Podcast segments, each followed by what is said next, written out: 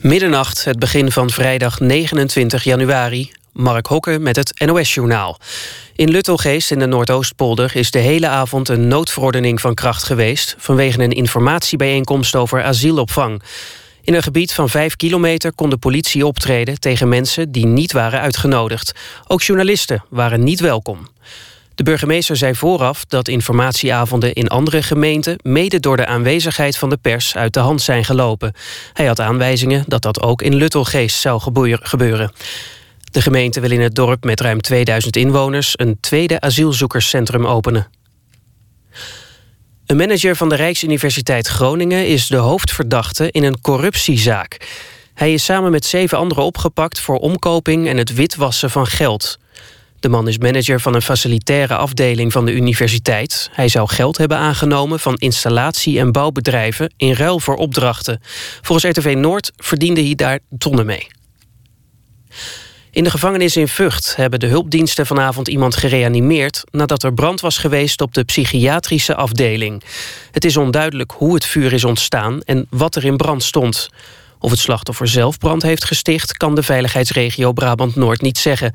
Voor zover bekend zijn er geen ontruimingen in de gevangenis in Vught.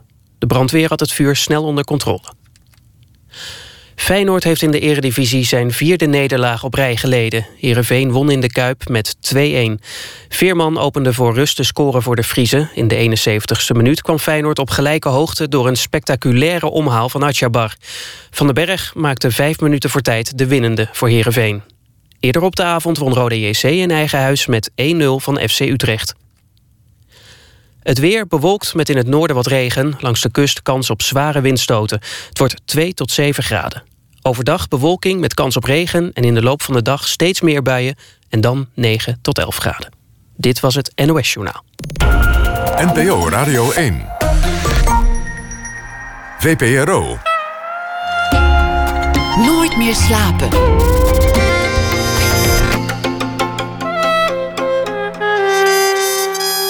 Met Pieter van der Wielen. Goedenacht en welkom bij Nooit meer slapen. Hans Maarten van der Brink is de gast na één uur. Hij schreef een roman met de titel Dijk over het eikwezen. Muziek uit B-films, dat is de specialisatie van de B-Movie Orchestra. Aandacht ook daarvoor na ene. Maar we beginnen met Jonas Staal, hij is beeldend kunstenaar. De New World Summit is de naam van een project waar hij uh, al jaren bij betrokken is. Overal ter wereld probeert dat project een nieuwe democratie te stichten. Een parlement voor mensen die normaal geen toegang hebben tot een parlement om hun mening te uiten of hun conflicten te beslechten. Het begon allemaal in Berlijn en Leiden, maar inmiddels heeft het hem gebracht naar Rojava. Een gebied zo groot als België ongeveer in het noorden van Syrië. Een conflictgebied.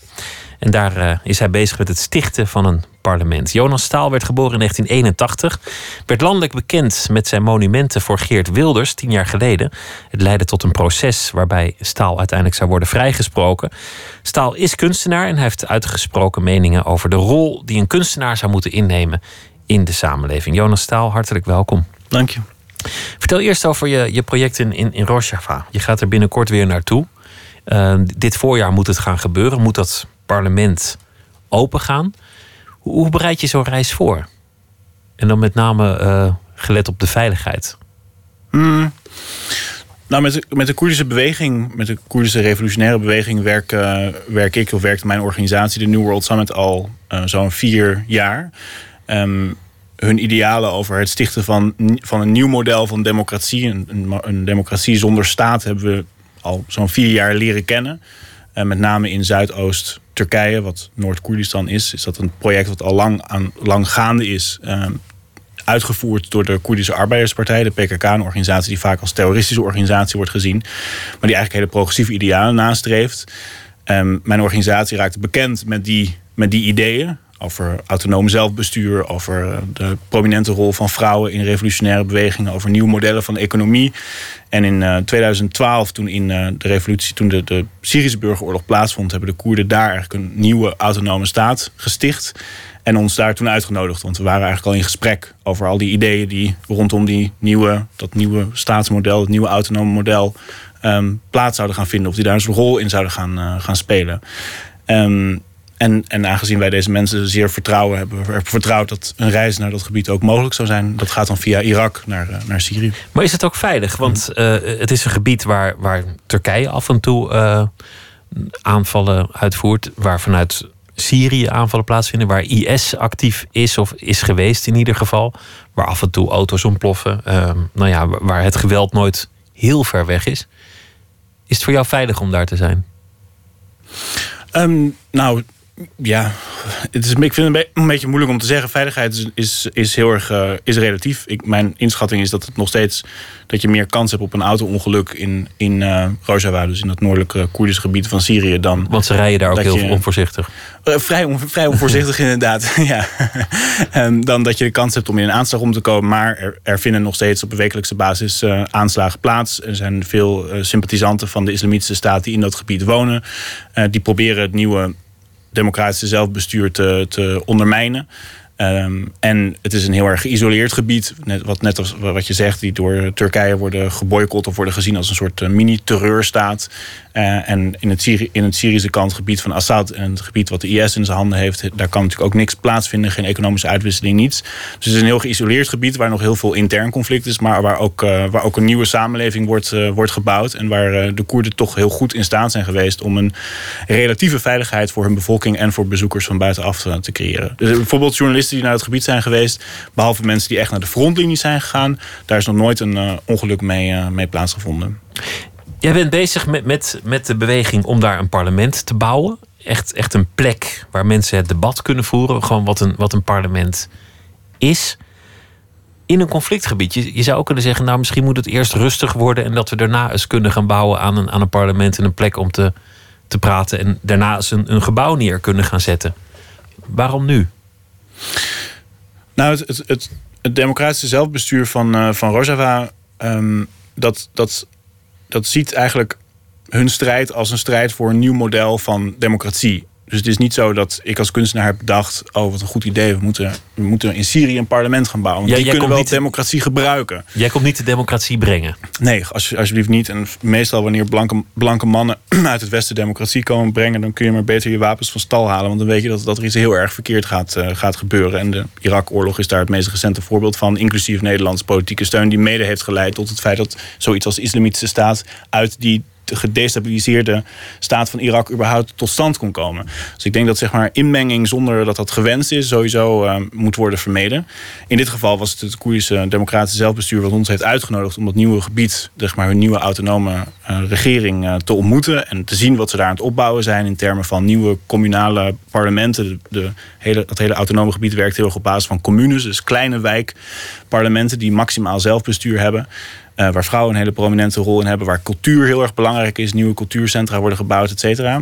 En uh, op basis van het werk wat wij hebben gedaan met, met stateloze groepen, met het creëren van alternatieve tijdelijke parlementen, hebben ze gezegd: zou je niet een parlement voor ons kunnen bouwen, maar dan willen we graag dat het een permanent parlement is, wat ook de ideeën van onze revolutie zou kunnen verbeelden. De bedoeling is dat het een, dat het een land wordt, uh, of, of een staat, Rojava.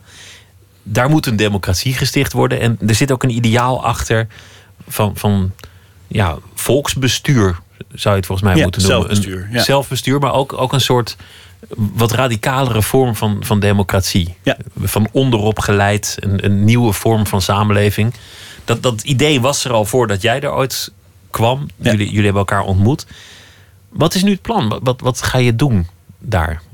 Want dit voorjaar moet het gaan gebeuren. Wordt, wordt het geopend? Wat wordt er dan precies geopend? Ja, dat idee, misschien toch heel kort te zeggen... dat, dat idee van een soort stateloze democratie, zo noemen ze het... Dat, dat is inderdaad al decennia lang in de maak. En het is in die zin heel radicaal... omdat onze hele geschiedenis van de democratie... is natuurlijk geboren in de staat, in de, in de Griekse stadstaat. Dus het idee van staat en democratie heeft, is in het Westen altijd met elkaar in verbinding geweest. Maar. Dus de staat is het, uh, die, die creëert de, de condities om überhaupt een democratie op te kunnen bouwen. Wat zij eigenlijk zeggen, als een volk wat is onderdrukt door de staat en is bezet door buitenlandse staten, is de staat kan, is, kan voor ons geen oplossing zijn. De staat dat is juist het probleem. We moeten democratie loskoppelen van de staat. Geen gecentraliseerd bestuur voor al die diverse groepen die in onze regio wonen, maar juist zelfbestuur waarin Koerden en Arabieren en Assyriërs allemaal hun eigen rechten en erkenning eh, krijgen. Dus ze willen geen staat worden. Dat is eigenlijk het unieke ervan. En dat maakt het dus ook heel interessant om, want, om een parlement te maken voor een volk wat geen staat wil. Want ook het parlement, als je zegt parlement, denk je altijd staat. Je denkt aan macht. En, en macht, dat heeft dan te maken met ja, autonomie. Dus met een, met een staat of een land. Precies, met een staat of een land. Maar, maar, maar een land hoeft natuurlijk niet per se een staat te zijn. Dus daar wordt het al interessant. Zij zien, zij zien hun gebied, Rojava, West-Koerdistan, als, een, als de, de regio waar oorspronkelijk de Koerden zeg maar, hun, hun plek in hebben, uh, in geworteld zijn. Maar wat geen staat hoeft te worden om autonoom te kunnen zijn. Dus zij zoeken heel erg naar wat is nou een nieuw model van onafhankelijkheid. Zonder dat wij in die valkuil trappen van het statelijke model. Dat model wat ons eigenlijk heeft, al heel lang heeft onderdrukt. Onder het Assad-regime met name en de Koerden in Turkije onder het, uh, onder het Turkse regime. Een volksdemocratie in een autonome provincie. Met, met zelfbestuur voor de bevolking, die dan ook nog uit verschillende groepen bestaat. Nu de plek, omschrijf het. Omschrijf dat parlement. Waar staat het? Hoe ziet de omgeving eruit? Hoe ziet het uh, gebouw eruit? Waar kom je binnen? Wat zie je dan? Wat ja, voor materiaal is van gemaakt? Het parlement hebben we grotendeels bedacht samen met uh, Amina Osse, de minister van Buitenlandse Zaken van uh, Jazire kanton. Het oostelijke kanton van Rojava bestaat uit allemaal kleine, kleinere kantons. Um, en ons, eerste, ons idee was, ons basisidee, beginpunt was... een parlement in Rojava dat moet een publieke ruimte zijn. Want hier, precies zoals je net zei, is de democratie is een, is een volksdemocratie. Of dat, dat is het ideaal daarvan in elk geval. Het volk bestuurt zichzelf, wordt niet bestuurd, bestuurt zichzelf. Dus moet een parlement geen plek zijn van een elite waar je door, door vijf metaaldetectoren moet gaan om überhaupt daar terecht te komen. Dat, dat parlement moet een openbare ruimte zijn. En dat is wat we aan het doen zijn. Het parlement zit, staat midden in, de stad, in een stad, midden in de stad Derk. Is eigenlijk de eerste grote stad waar je aankomt als je dat gebied in uh, komt vanuit, uh, vanuit Irak. En het zit midden in de stad als een, als een openbare ruimte. Het is een heel grote, een soort koepel. Met, een, met, een, met wat je een agora zou noemen. Dat is een soort van, soort van buitentheater eigenlijk. Waar een koepel overheen staat. En in die koepel komen dagelijks um, communes uit die regio, uit, uit die stad, komen samen om over hun zelfbestuur te beslissen. Zo'n één stad bestaat uit zo'n 33 communes, dus 33 wijkraden. Die beslissen allemaal over zichzelf, over hun eigen zaken. Die coördineren dat dan weer onderling. En dat parlement die moet eigenlijk al die verschillende processen, complexe processen, gaan faciliteren. Maar je wil openheid uitstralen, want het mag niet gesloten zijn. Iedereen moet daar zijn zegje kunnen doen. Tegelijk moet je denk ik wel een beetje op de veiligheid letten. Mensen moeten, moeten zich daar veilig voelen en er moet niet iemand met een, met een handgranaat of een bom of wat dan ook naar binnen kunnen. Uh, nee, ja, dat, dat, dat klopt. Uh, en een metaaldetector zou daarbij misschien helpen. Nou ja, in dit geval hebben we natuurlijk, de, als het gaat om de veiligheidssituatie, hebben we natuurlijk met alle, met alle verschillende.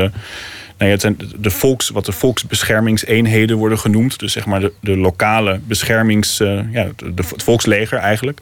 Um, heel veel overleg gepleegd en het ontwerp bekeken. En in hoeverre is het veilig om dat te doen in de stad? En kan het in de openbare ruimte? Is de situatie in deze stad überhaupt al stabiel genoeg? En daar hebben we een inschatting over gemaakt. En als het gaat om grote internationale congressen waar sprekers van buitenaf komen, en met name mensen, mensen uit het Westen of mensen niet uit Rojava komen, ja, dan zul je, toen we daar de eerste congres hebben georganiseerd, een paar maanden geleden in oktober, ja, toen, toen moest je wel aardig wat mensen uitrukken om zeg maar, dat veilig te krijgen. Dat, dus dat wordt het moeilijker. Maar als het gaat om dat dagelijkse zelfbestuur van de, van de wijkraden, uh, dan is, is dat een stuk minder problematisch. Dan wordt daar iets besproken. Misschien komen mensen tot een besluit of, of, of een akkoord. Hoe moet het dan vervolgens worden ingevoerd? Als het, als het niet echt een staat is, als er, als er niet echt een duidelijke machtsstructuur is. Hoe zie je dat voor je? De volgende stap waarbij hetgeen het parlement beslist, de wetgevende macht, noem ik het dan maar, dat het ook praktijk wordt. Ja. Nou ja, wat je, wat je zou kunnen voorstellen, stel je voor, Amsterdam bestaat uit 120 verschillende communes. En in het centrum van Amsterdam hebben wij een groot openbaar parlement. Elke dag van de, van de maand komt één van die communes, één van die wijkraden, die komt gezamenlijk beslissen in dat publieke parlement. Die maakt beslissingen over hun wijk. En gaan weer terug naar hun wijk. En passen die toe, want hebben daar de middelen voor. Dat is, dat is in essentie wat, zeg maar, hoe dat parlement in, uh, in de stad Derk werkt. Dus de, de, de, de wijkraden hebben eigenlijk alle macht. Er is wel een gemeenteraad, maar die heeft veel minder macht dan de wijkraad. En dan is er nog een overkoepelende raad voor dat hele gebied van Rojava. En die heeft nog weer minder macht dan de. Dus je, je, moet je voorstellen dat je de hele machtssituatie omkeert. Niet het centrale parlement, de regering, zeg maar, van het landelijke regering, heeft het meeste macht. Nee, die hebben het minste macht. De wijkraad die heeft het meeste macht. Dus dat betekent ongelooflijk veel overleg en ongelooflijk veel discussie en ongelooflijk veel ontmoetingen, zeg maar, mensen in Rojava zijn extreem gepolitiseerd. Die hebben een extreem belangrijke dagelijkse rol in het organiseren van hun eigen politieke bestaan. Dat is iets wat vanuit hier misschien moeilijk voorstelbaar is. Omdat we in die zin een wat gedepolitiseerdere houding hebben ten opzichte van onze eigen regering of van onze eigen politiek. Maar dat is hoe het daar in praktijk werkt. En dat vereist ongelooflijk veel geduld en ongelooflijk veel samenwerking en ongelooflijk veel discussie. Maar dat kan wel. Wat is jouw ideaal hierachter? Want je begon ooit met het project, de New World Summit, om, om mensen die normaal geen toegang hebben of niet erkend worden, ook een parlement te geven. Maar dit lijkt een stap verder te gaan. Welk ideaal zit er voor jou achter? Is, is dat democratie of iets anders? Nou, het eerste parlement wat wij, allereerste keer dat wij een New World Summit hebben georganiseerd, dus een soort tijdelijk parlement hebben gecreëerd voor stateloze organisaties, ging dat specifiek om organisaties die op internationale terreurlijsten staan. Dus groepen die worden vervolgd als zogenaamde terroristen. Uh, dat betekent als je, nu op een, als je op een terreurlijst wordt geplaatst, betekent dat je je paspoort verliest, je mag niet reizen, je banktegoeden worden bevroren. Eigenlijk word je letterlijk buiten de democratie geplaatst. En voor ons was de vraag: kunnen we via de kunst erachter komen wie eigenlijk die mensen zijn die buiten de democratie worden geplaatst. En waarom wordt dat eigenlijk gedaan? En soms kun je, kun je, is, er, is daar een, een, in het geval van, de, van van de Islamitische Staat, zijn er zeer legitieme redenen om deze mensen op zijn minst crimineel te vervolgen. Dat is, dat is vrij evident. Maar er zijn heel veel groepen binnen die op terreurlijsten worden geplaatst, waarbij dat veel minder duidelijk is. De Koerden zijn een heel goed voorbeeld van. De Koerdische Arbeiderspartij, de PKK, staat internationaal in Europa en Amerika op terreurlijsten. Maar staan dus tegelijkertijd een nieuw model van democratie en van zelfbestuur voort, voor. En, en voor een recht op zelfbeschikking van hun eigen volk. Dus daar gebeurt iets raars. Eigenlijk zijn die mensen op die, in zo'n organisatie op zo'n terreurlijst veel democratischer dan de zogeheten democratie die ze op die lijst plaatsen. En dat wilde jij onderzoeken. Je, je Precies, was dat wilde ik nieuwsgierig. Wie, wie, zijn die mensen? Hoe kom je op zo'n op zo'n terreurlijst? Nodig ze uit? Dat bracht je meteen in de problemen met de regering van India bijvoorbeeld ik geloof dat de, de AIVD ook wel aandacht had voor, uh, voor het initiatief. Of jullie hebben ze zelf geïnformeerd van, nou ja, we zijn hiermee bezig, dan weten jullie het maar vast. Maar je zei voor de kunst. En dat vind ik interessant, want jij bent uiteindelijk kunstenaar. En toch meng je dan in dit soort gelegenheden. Dan, dan verlaat je eigenlijk wel het traditionele gebied van, van de kunst. Hoe zie je dat? Nou, voor mij is bijvoorbeeld ja, ik weet niet, hoe kijk je daar zelf naar? Als ik bijvoorbeeld zeg van, van we hebben ons allereerste parlement was een parlement voor organisaties op internationale terreurlijsten staan. Dus een, een soort parlement voor stateloze volkeren. Dus een parlement zonder staat in mijn ogen is dat ook een. Dat, is, dat heeft een politieke functie. Als we brengen daadwerkelijk mensen samen die overleggen. Daar worden coalities gesloten. Daar zeg maar, is een zekere mate van macht die we daar in, in zo'n parlement samenbrengen. En organisaties die worden vervolgd als, als terroristen of die stateloos zijn, zijn niet per se machteloos. De Koerdische Arbeiderspartij wordt onderdrukt, overduidelijk. We zijn er tegen. Ehm, maar zijn ook niet, zijn niet machteloos. Ze kunnen verzet plegen. Ik, ik zie daar ook een, een artistieke verbeelding in in zo'n nieuw parlement. Want, want we denken altijd, het parlement dat moet deel zijn van de staat wij denken, wij zien het parlement juist als een plek die voor, voor mensen die buiten de democratie worden geplaatst, die de democratie opnieuw kan verbeelden. Ik weet niet of bedoel, denk je dan dat heeft, heeft niks met kunst te maken? Ik denk dat veel mensen het beeld hebben van een kunstenaar die maakt beelden, schilderijen, misschien een, een performance kunstwerk. Dat doet hij in een galerie, museum of kunstencentrum. En daar gaan mensen naartoe. Dat is een wereld waar jij je nog steeds in beweegt. de reden dat je hier nu bent, is ook dat er vanaf morgen in Utrecht een tentoonstelling van jouw werk te zien is, bijvoorbeeld. Dit is iets heel anders. Dat, ik, ik kan me voorstellen dat veel mensen zich afvragen: waarom is dit kunst? Wat is hier kunst aan? Ja, nou ja, ik zou zeggen dat kunst in, in de kern gaat over ehm, verbeelding. Dus, dus iemand die een schilderij maakt van, van een natuurlandschap, om maar een soort van een traditioneel idee van kunstenaarschap te noemen, die verbeeldt de wereld op een andere manier. Met, met verf, met, soort van, met kleur, met, met zijn eigen, eigen vormen en ideeën. En dat doe ik ook. Als in, ik kijk als kunstenaar naar het parlement zoals het bestaat. En ik denk, dat daar kan iets anders mee gebeuren. Uh, ik vind het parlement vind ik ook, vind komt mij ook over als een theater. Zo'n beetje een slecht theater, maar het is ook een theater. Daar wordt opgevoerd. Daar worden allemaal daar worden speeches gegeven. Daar worden ideeën en verbeeldingen van één politicus naar een andere uitgedragen en bevochten. En het is een heel theatrale ruimte. Zeker, ja. Dus ik, ik, zie dat als een, ik zie dat als een plek die heel veel met kunst te maken heeft. En een soort van, we, we, kijken naar, we kijken naar politiek, maar je denkt toch ook, politiek is ook vorm. Bijvoorbeeld, um, een, politicus die, die... Heel af en toe dan zie je een politicus die ontsnapt aan het parlement. En die staat dan op een of andere zeepkist op een markt... in god weet waar, in Gouda of iets dergelijks. En dan, als je dat ziet, dan denk je... God, dat is eigenlijk... Is iets sneus. Zeg want zonder zijn parlement... Ja, dan staat hij daar maar een beetje te hannesen op zijn, op zijn, op zijn kistje. En dat is interessant. Want eigenlijk op dat moment dan, dan realiseer je... Hoeveel, hoeveel kunst te maken heeft met macht en machtsverbeelding. Want het hele parlement, die architectuur in Nederland Pieter Bruin is de architect van het parlement. En dan zijn we allemaal bekend met die enorme schilderijen van Rudy van der Wind. Dat zijn die rood, rood-zwarte schilderijen. Die altijd meest bekeken schilderijen ongeveer in Nederland. Want die zie je elke keer met de Tweede Kamer in debatten. Die, die zeggen heel veel over hoe we, naar de, hoe we naar de macht kijken. Dus denk ik, als kunstenaars al zo'n belangrijke rol hebben eigenlijk... in de verbeelding van politiek, dan kunnen we dat ook anders verbeelden.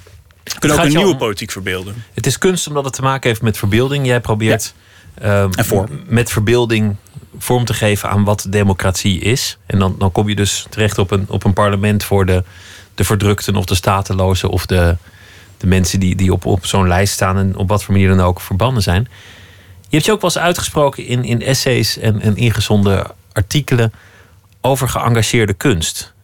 En als ik het goed vertaal, dan was jouw mening eigenlijk van ja, je kunt wel geëngageerde kunst maken over misstanden in de wereld in een museum. Mensen gaan er naartoe, die kijken ernaar die gaan weer naar huis, alles blijft bij hetzelfde. Ja.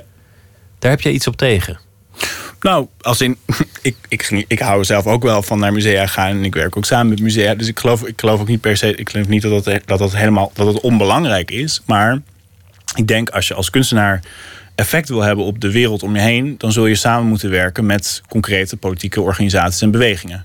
Je kunt het niet in je eentje. Zeg maar, ik kan als, je kunt het is precies wat je zegt. Je kunt als kunstenaar een kunstwerk maken wat zegt... het is helemaal verkeerd in, met onderdrukking in een, in een vreselijk land of weet ik veel. Maar dat verandert niet als je niet samenwerkt met de mensen... die, zich, die, die proberen die onderdrukking te bestrijden. Dus ik en veel van mijn collega's met mij uh, werken samen met vluchtelingenorganisaties, met, de, met vakbonden in Nederland, met progressieve politieke partijen, met stateloze politieke bewegingen, om eigenlijk samen met, met alternatieve vormen van politiek te zoeken naar hoe kan kunst bijdragen aan het verbeelden van een andere wereld, van een andere politiek, van een andere democratie. Want alleen een, een, een doek maken van misstanden in Bangladesh, dan verander je niks. Dat is niet genoeg. Je moet een stap verder gaan. Dat is eigenlijk wat je zegt. Je moet je daadwerkelijk committeren en zorgen dat je ook echt iets verandert in de wereld. Ja, en, het, en, het, en de kwestie is natuurlijk van dat, dat kunst is natuurlijk altijd. Kunst is altijd product van dominante macht. Kunst is altijd in handen geweest van, van de mensen die aan de macht zijn. Kunst was het instrument van de kerk en kunst was het instrument van de staat. Kunst is altijd propaganda voor iets, voor iets geweest. Um, en ook nu. Als in vandaag de dag is kunst vaak een, een, een, een siermiddel van de volgende bank of de volgende speculant. Of... Nou, veel kunstenaars zien zichzelf juist als de uitdager van de macht. Die maken juist kunst om, om het systeem te testen, te tarten, te, te, te provoceren, te bevragen. Ja, maar... Die zien dat precies andersom, denk ik. Nou ja, dat, ik denk, gelukkig. Ja. Dus, dus veel kunstenaars staan een, andere, staan een andere wereld voor. Maar dan komt de vraag, hoe gaan we die concreet maken? Want je kunt, tegen, je kunt zeggen, kijk, zo ziet een andere wereld eruit. Ja, dat zal wel. De vraag is, hoe gaan we die andere wereld bouwen? Hoe gaan we die creëren? En met welke allianties? En met wie doe je dat samen?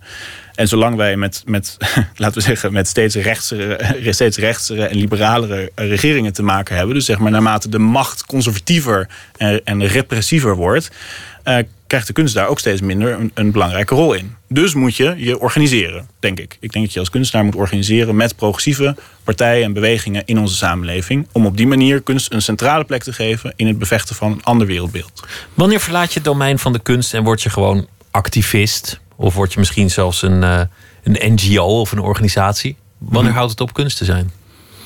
Nou, ik ben, ik ben uh, al best lang kunstenaar inmiddels. En, uh, en, en kunstenaarschap heeft voor mij heel erg te maken met, met hoe je naar de wereld kijkt. Zeg maar als, als kunstenaar hou je heel erg bezig met vorm. En, en, en hoe je de, met wat ik eerder zei al, verbeelding. Met hoe je de wereld verbeeldt. En, dat, en die wereld verbeeld je met vorm. En je kijkt ook naar, naar de wereld uh, in termen van vorm. Als in je analyseert de wereld, hoe die, wordt, hoe die wordt vertegenwoordigd, hoe die zich visueel om je heen manifesteert. Dus dat is mijn manier van kijken. Ik ben kunstenaar. En, uh, en dat is hoe ik mij tot politiek, uh, tot politiek verhoud. En, en ik denk dat ik als kunstenaar daar dat ik een bijdrage kan leveren aan, um, aan het creëren van politiek bewustzijn, of misschien zelfs politieke verandering. Misschien wel meer dan een gemiddelde politicus. Maar je verwijt kunstenaars dat, dat ze een middel van de macht zijn geworden, een bevestiging van de orde. Terwijl je zelf omgaat met politieke organisaties, ermee samenwerkt. parlementen sticht, bescherming vraagt misschien. Dat, dat klinkt voor mij een beetje inconsequent. Nou, wat ik zeg, ik, ik bekritiseer niet per se mijn collega-kunstenaars. Ik maak, een, ik maak een analyse waarin ik zeg... er is een, een structurele relatie tussen macht en tussen kunst. En kunst heeft in de geschiedenis heel vaak dominante politieke macht uh, vertegenwoordigd. En dat is vaak nu ook zo. Kunst is een van de, de, de speculatie op kunst. Ik weet niet hoe, of, in, of hoe ver je af en toe naar, soort van naar de kunstmarkt kijkt. Dus wat er aan geld voorbij gaat voor kunstwerken. Kunstwerken moet je zien, dat, dat, zijn nu, dat zijn net aandelen. En die worden verhandeld als aandelen. Er wordt op gespeculeerd alsof het aandelen zijn. En dan kun je wel kijken naar, naar een prachtig plaatje, maar daar gaat het helemaal niet om. Het gaat over wie heeft het gemaakt, welke galerie verkoopt, hoeveel is het waard. En dat vind ik een heel oninteressante vorm van kunst. Die eigenlijk alleen maar een soort extreem consumentistische verhouding tot de wereld nastreeft. Dus is de vraag, wat voor andere soorten machten zou je kunnen steunen? Als kunstenaar, met wie kan je je verenigen? Nou, dan denk ik dat wij werken dan veel samen, dus nu met stateloze politieke organisaties, maar ik heb ook veel samengewerkt met progressieve politieke partijen, om te zoeken naar wat kan kunst voor andere wereldbeeld nastreven en ander wereldbeeld helpen verbeelden. Maar het is, het is ook gevaarlijk, want je, je, je kiest kanten in, in conflicten. Je gaat met, met politieke, niet kunstzinnige partijen om, die, die andere doelen hebben in hun leven. Je hebt ook wel verwijten gekregen in Mali dat je met de verkeerde rebellenclub optrok. Dat, dat het een club was die volgens sommigen vuile handen had. Of, of met weer andere organisaties had samengewerkt. Die, die allerlei misdaden hadden gepleegd en dat soort dingen. Mhm. Waarmee ik maar wil zeggen dat, dat je zelf ook een beetje een wespennest kunt werken. Mhm. Ja, dat is, dat, is natuurlijk, dat is waar natuurlijk. Ja. Terwijl, je, terwijl je, je hogere streven is de autonome kunst. De, de kunst die zich niet verhoudt tot, tot de zittende macht of tot, uh, oh, het nee, systeem. Nee, nee mijn, mijn, mijn, mijn, mijn doel is helemaal geen uh, autonome kunst. Mijn doel is te, helpen, is te helpen om nieuwe vormen van politieke autonomie mogelijk te maken. En ik denk dat kunst daar een rol in heeft. Dus bijvoorbeeld als, als wij als ik nu werk aan het creëren van een nieuw parlement samen met de autonome Koerdische regering in, uh, in Rojava, in Noord-Syrië, dan is dat een manier om, om met mijn kunst te helpen met de verbeelding van een nieuw, nieuw model van politieke autonomie, van zelfbestuur, van volksbestuur dat is, mijn, dat is daar wat de bijdrage die ik daaraan uh, aan doe. Maar ik, ik ben als kunstenaar dus ge, geïmpliceerd en ik ben ook op dat moment deel van en mede politiek verantwoordelijk voor wat daar wordt, wordt gedaan. Wie betaalt jou en jouw werk? Nou, dat wisselt een beetje per project. In het geval van het uh, autonome van het, van het parlement wat we nu bouwen in Rojava, is dat het parlement wordt voor de helft betaald door de, de autonome regering zelf, door het zelfbestuur. En uh, de andere helft komt uit uh, mijn eigen organisatie, New World Summit. En dat is dan weer uit het uh, Mondriaan Fonds, dus een Nederlands publiek fonds voor cultuur, voor kunst en cultuur. Maar wij verkopen ook werk via onze galerie. Dus bijvoorbeeld kleine modellen, soort van sculpturen van dat parlement. Verkopen we aan privéverzamelaars, musea. En dat geld dat krijgen wij en dat stoppen we dan weer in beton en staal om dat echte parlement te bouwen. Dus, um, dus ja, dat, dus dat wisselt. Dat zit, zeg maar, het heeft verschillende inkomstenvormen. Het is misschien bijna. Het is niet heel makkelijk overigens hoor. Om, om aan geld te komen en, en, om het te verkopen. Nee, dat, dat lijkt me zeker niet makkelijk. Je hebt ook wel eens, uh, geloof ik, een stipendium gekregen van het Ventner van Vlissingen Fonds. Dat, dat, dat, vind ik dan interessant, omdat dat, ja, dat is het groot kapitaal. Ja, nee, dat klopt. Er is een, een, een laten we zeggen dat als je het, even, als je het heel simpel zegt, dan is er een, uh, is er een conflict om. Uh, als linkse kunstenaar die werkt in een kapitalistische samenleving, loop je tegen heel veel conflicten en heel veel dubbelzinnigheden en tegenstrijdigheden aan. Dat klopt. Dus soms heb je met geldstromen te maken of met, uh, met, met vormen van financiering waarvan je denkt: oké, dat is niet helemaal, dat is niet exact de bron die ik steun. Maar ik denk dat ik met die middelen iets nieuws of iets anders teweeg kan brengen. En daar moet je elke keer een afwegingen maken.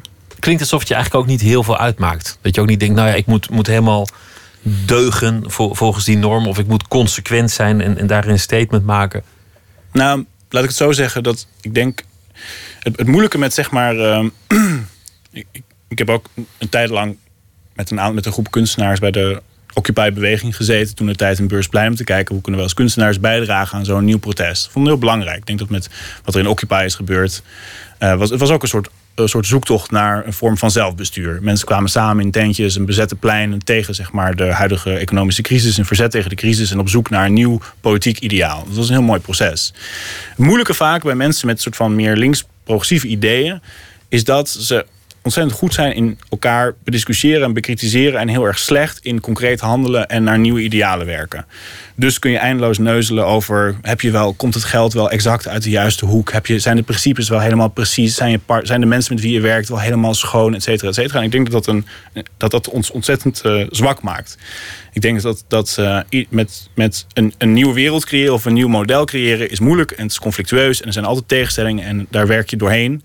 En je doet het met de middelen die je hebt om te proberen iets beters te creëren. Dan kun je eindeloos praten over of dat wel echt, of dat wel echt allemaal kan. En of elke cent wel uit de juiste hoek komt. Het gaat, mij er eigenlijk niet om, om, om, om, om te zeggen van nou ja, deugt die Jonas Staal nou wel helemaal? Dat maakt me ook weer niet zoveel uit in hoeverre jou echt deugt.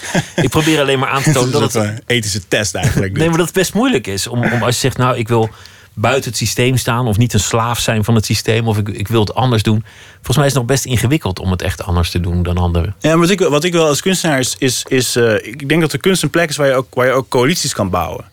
Dus, dus wat ik al eerder zei, je kunt ook zeggen, er is natuurlijk een, een tegenstelling tussen, wij werk, ik werk samen met, met, met stateloze autonomistische bewegingen die, die echt een, laten we zeggen, revolutionair oogmerk hebben ik werk ook samen met progressieve politieke partijen van, uh, van uh, weet ik veel, van de Socialistische Partij tot de Piratenpartij tot GroenLinks. Zeg maar wat. Ja, die zijn natuurlijk dat zijn extreem veel gematigdere partijen dan, dan, dan zo'n revolutionaire beweging. Maar ik denk, volgens mij gaat het over je wil zoeken naar een plek die die ideeën samen kan brengen. Uh, die dus ook de, het isolement van, van bewegingen en organisaties met een progressieve ideaal uh, om die te doorbreken. En te proberen zoveel mogelijk verbanden te zoeken. En ik denk dat kunst en cultuur een plek is waarbij je die verbanden kan, kan creëren. Waarbij je een, een verbeelding kan creëren waarmee een meer samenhang ontstaat. Tussen die mensen die een andere wereld voorstaan. En een andere wereld voorstaan is natuurlijk ook een heel creatief proces. Dus bijvoorbeeld, je zei net van uh, je noemt jezelf geen activist. Of waarom, waarom ben je geen activist? Ik denk dat een activist uitermate creatieve persoon is. In de zin van je, jezelf organiseren en mobiliseren en, en demonstreren. En soort van met nieuwe ideeën komen, nieuwe visies komen de wereld. Dat is een heel complex en moeilijk en, en, creatief proces. Dus in die zin voel ik me heel verwant met mensen die proberen een, van een, een bestaande orde een nieuwe orde te maken. Dat is eigenlijk wat progressief politiek altijd wil doen. Dus in die zin een heel, heel creatief proces. En dus ook uh, kunst. We gaan luisteren naar uh, Curtis Harding, want die heeft een hommage gebracht aan uh, David Bowie, die niet zo lang geleden is overleden. We gaan luisteren naar Spill the Wine.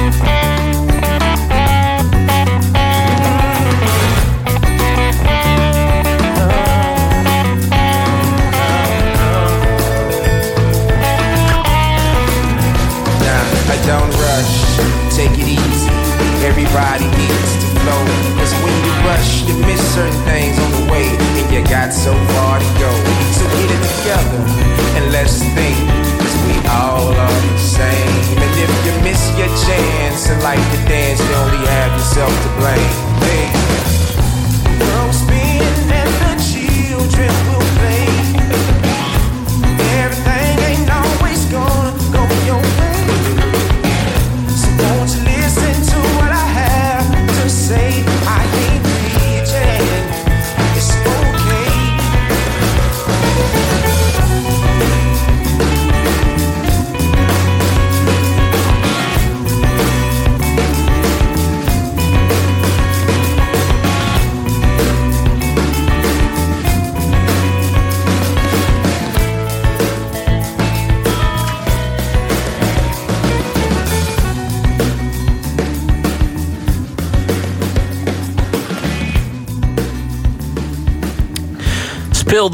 Van Curtis Harding. En dat is een nummer van uh, David Bowie, die uh, niet zo lang geleden doodging. Jonas Staal zit tegenover mij. Hij is uh, kunstenaar. Hij heeft vanaf morgen een tentoonstelling in Utrecht. En hij is bezig met de New World Summit. Een project over de hele wereld van nieuwe parlementen voor mensen die normaal gesproken geen toegang hebben tot democratie en debat. Waarover we net al spraken. Ik weet een paar dingen over, over jouzelf en je eigen leven. Een van de dingen die ik weet is dat je, dat je ontzettend vaak van school bent gestuurd. Dat je een ingewikkelde leerling was en dat je moeilijk kon passen in dat systeem. Het, het systeem lag je niet, of jij lag het systeem niet. Daar wil ik vanaf zijn. Maar dat is, dat is iets wat mij verteld is. Weet je, weet jij wat, wat er aan de hand was? Heb je daar later een verklaring voor gevonden waarom dat zo moeilijk liep? Een grondig, uh, een grondig vooronderzoek. Ja. Wie van mijn familieleden zijn allemaal getarget om deze, om deze conclusies te trekken. Ja, ik heb altijd ik vond het heel grappig, want je had, zeg maar, je, hebt een, je had een medewerker die mij heeft gebeld de afgelopen week. En die heeft echt, soort van, tot, die heeft echt heel erg haar best gedaan om achter te komen. Wie jij bent. Wie is Jonas Staal? Ja. Ik zei, nou, Jonas Staal is kunstenaar, je doet dit en dit en dit. Nee, maar wie is Jonas Staal? Dat is heel oh, grappig. Mensen geloven altijd heel erg dat, zeg maar, je hebt zo'n background story nodig. Dat zit heel erg in het soort van Jesse Klaver model, zeg maar. Om, het soort van, om te begrijpen wie hij is en wat hij doet, moeten we weten van hij komt uit die ouders en die achtergrond. En het is heel een soort bijna Amerikaans politiek model om iemand te begrijpen. Ik ben wel benieuwd waar, wat voor persoon je bent, waar je vandaan komt. En ook hoe jouw gedachten, want, want je hebt een heel eigen pad in de kunst, hoe dat gevormd is. Ik weet dat je, dat je uit een geëngageerde omgeving kwam. Dat, dat je ouders ook progressief dachten. Dat, dat uh, je ouders een beetje actief waren in Nieuw Links. Dat je een moeilijke leerling was, slecht lag op school. Dat je uiteindelijk de kunstacademie bent gaan doen. Maar er is een soort verandering geweest. Dat Jonas Staal ineens zijn weg vond en geëngageerde kunst ging maken. Dat, dat jij politiek bewust werd. Mhm. wat, wat, was dat moment? Um, ik, voor mij was uh, toen ik na toen ik de kunstacademie uh, klaar was met mijn, mijn, mijn kunstacademie in, uh, in Amerika, kwam ik terug naar Nederland. Ben ik in Rotterdam gaan wonen, in Rotterdam Zuid. Dat was het jaar waarin 2004, waarin Theo van Gogh is vermoord, kunstenaar. En voor mij was dat een vrij fundamentele omslag. De dood van Theo van Gogh.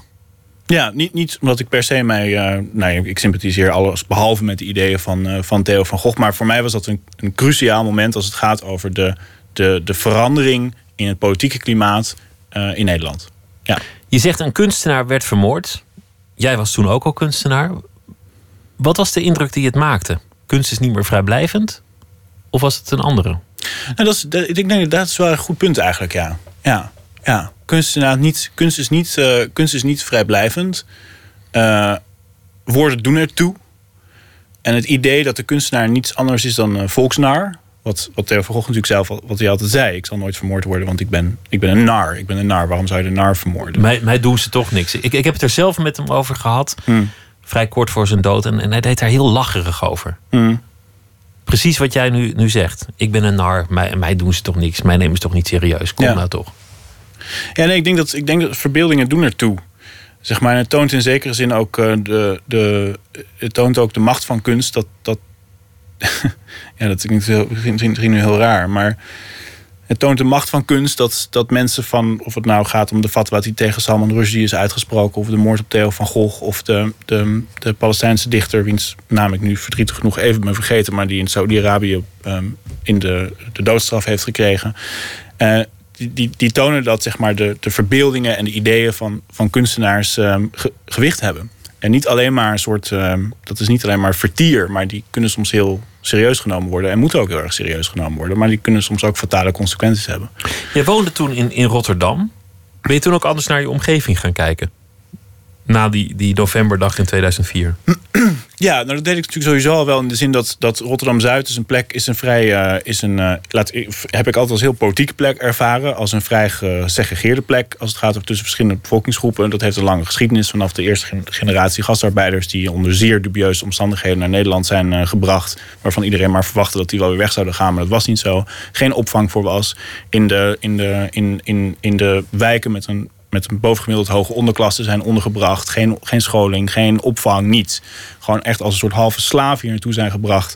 En dat heeft natuurlijk vreselijke, heeft vreselijke consequenties gehad voor conflicten ook binnen bevolkingsgroepen in, uh, in Rotterdam. En is, laten we zeggen, elite pas veel te, politieke elite pas veel te laat naar gaan kijken. Uh, toen het eigenlijk al te laat was. Het heeft ook deels aan de basis gelegen van al die spanningen die, uh, die zijn opgekomen. En waar eigenlijk de moord op Van Gogh een soort van katalysator voor, voor vormde. Dus ja, in Rotterdam wonen was een moment waarop waarop extreem politieke ontwikkelingen om mij heen heel zichtbaar werden en heel voelbaar werden. Ik was toen thuiszorgmedewerker overigens, om mijn werk te kunnen, kunnen, te kunnen doen. Dus de helft van de week dan zat ik, dat zat ik daarin. Dat was ook interessant. Ik had heel veel oudere heren en dames die eigenlijk uit een soort van heropbouwperiode van Rotterdam kwamen. Dus die ook mij heel goed konden vertellen over de geschiedenis van die plek en hoe die was veranderd in positieve of in negatieve zin. En dat heeft mij een, politiek bewustzijn meegegeven, waar, waarin ik uh, het ook belangrijk vond dat mijn eigen werk als kunstenaar daar een rol in zou gaan spelen. Ik zag dat Nederland en ook de, laten we zeggen, progressieve het progressieve ideaal wat in Nederland heel lang heeft geheerst, of waarvan we dachten in elk geval dat het heerste, heel snel verdween.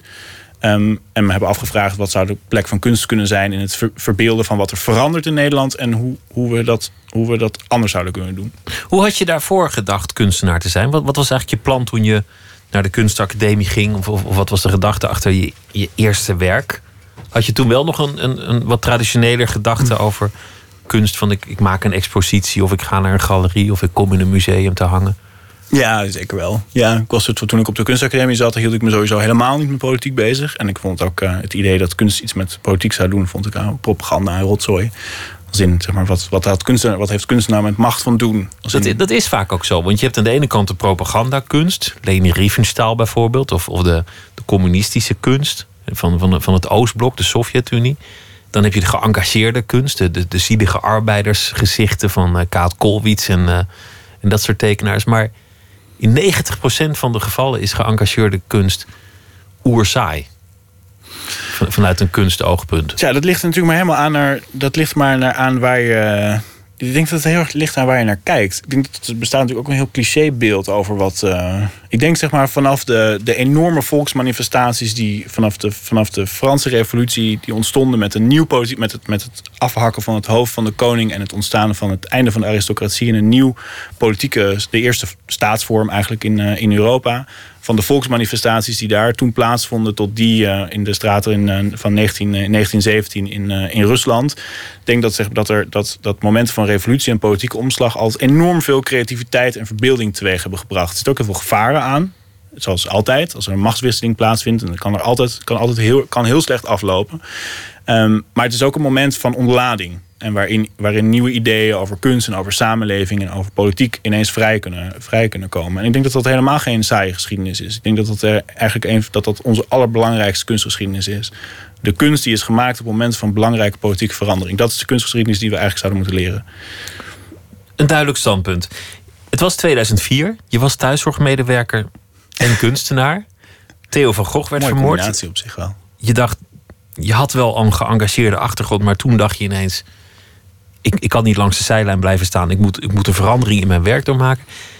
Het eerste werk waarmee je echt de publiciteit haalde, dat waren de bermmonumentjes voor Geert Wilders. De, een fotootje van, van Geert Wilders met daaromheen, nou ja, alle clichés ken je: kandelaartjes, vaccinelichtjes, eh, teddybeertjes. Een soort rouwmonument, althans dat is de associatie die het oproept, van Geert Wilders op een aantal plekken. Toen gebeurde er iets interessants. Het werd een proces. Jij werd aangeklaagd wegens bedreiging. En je zei tegen de rechter: Deze rechtszaak maakt deel uit van mijn kunstwerk.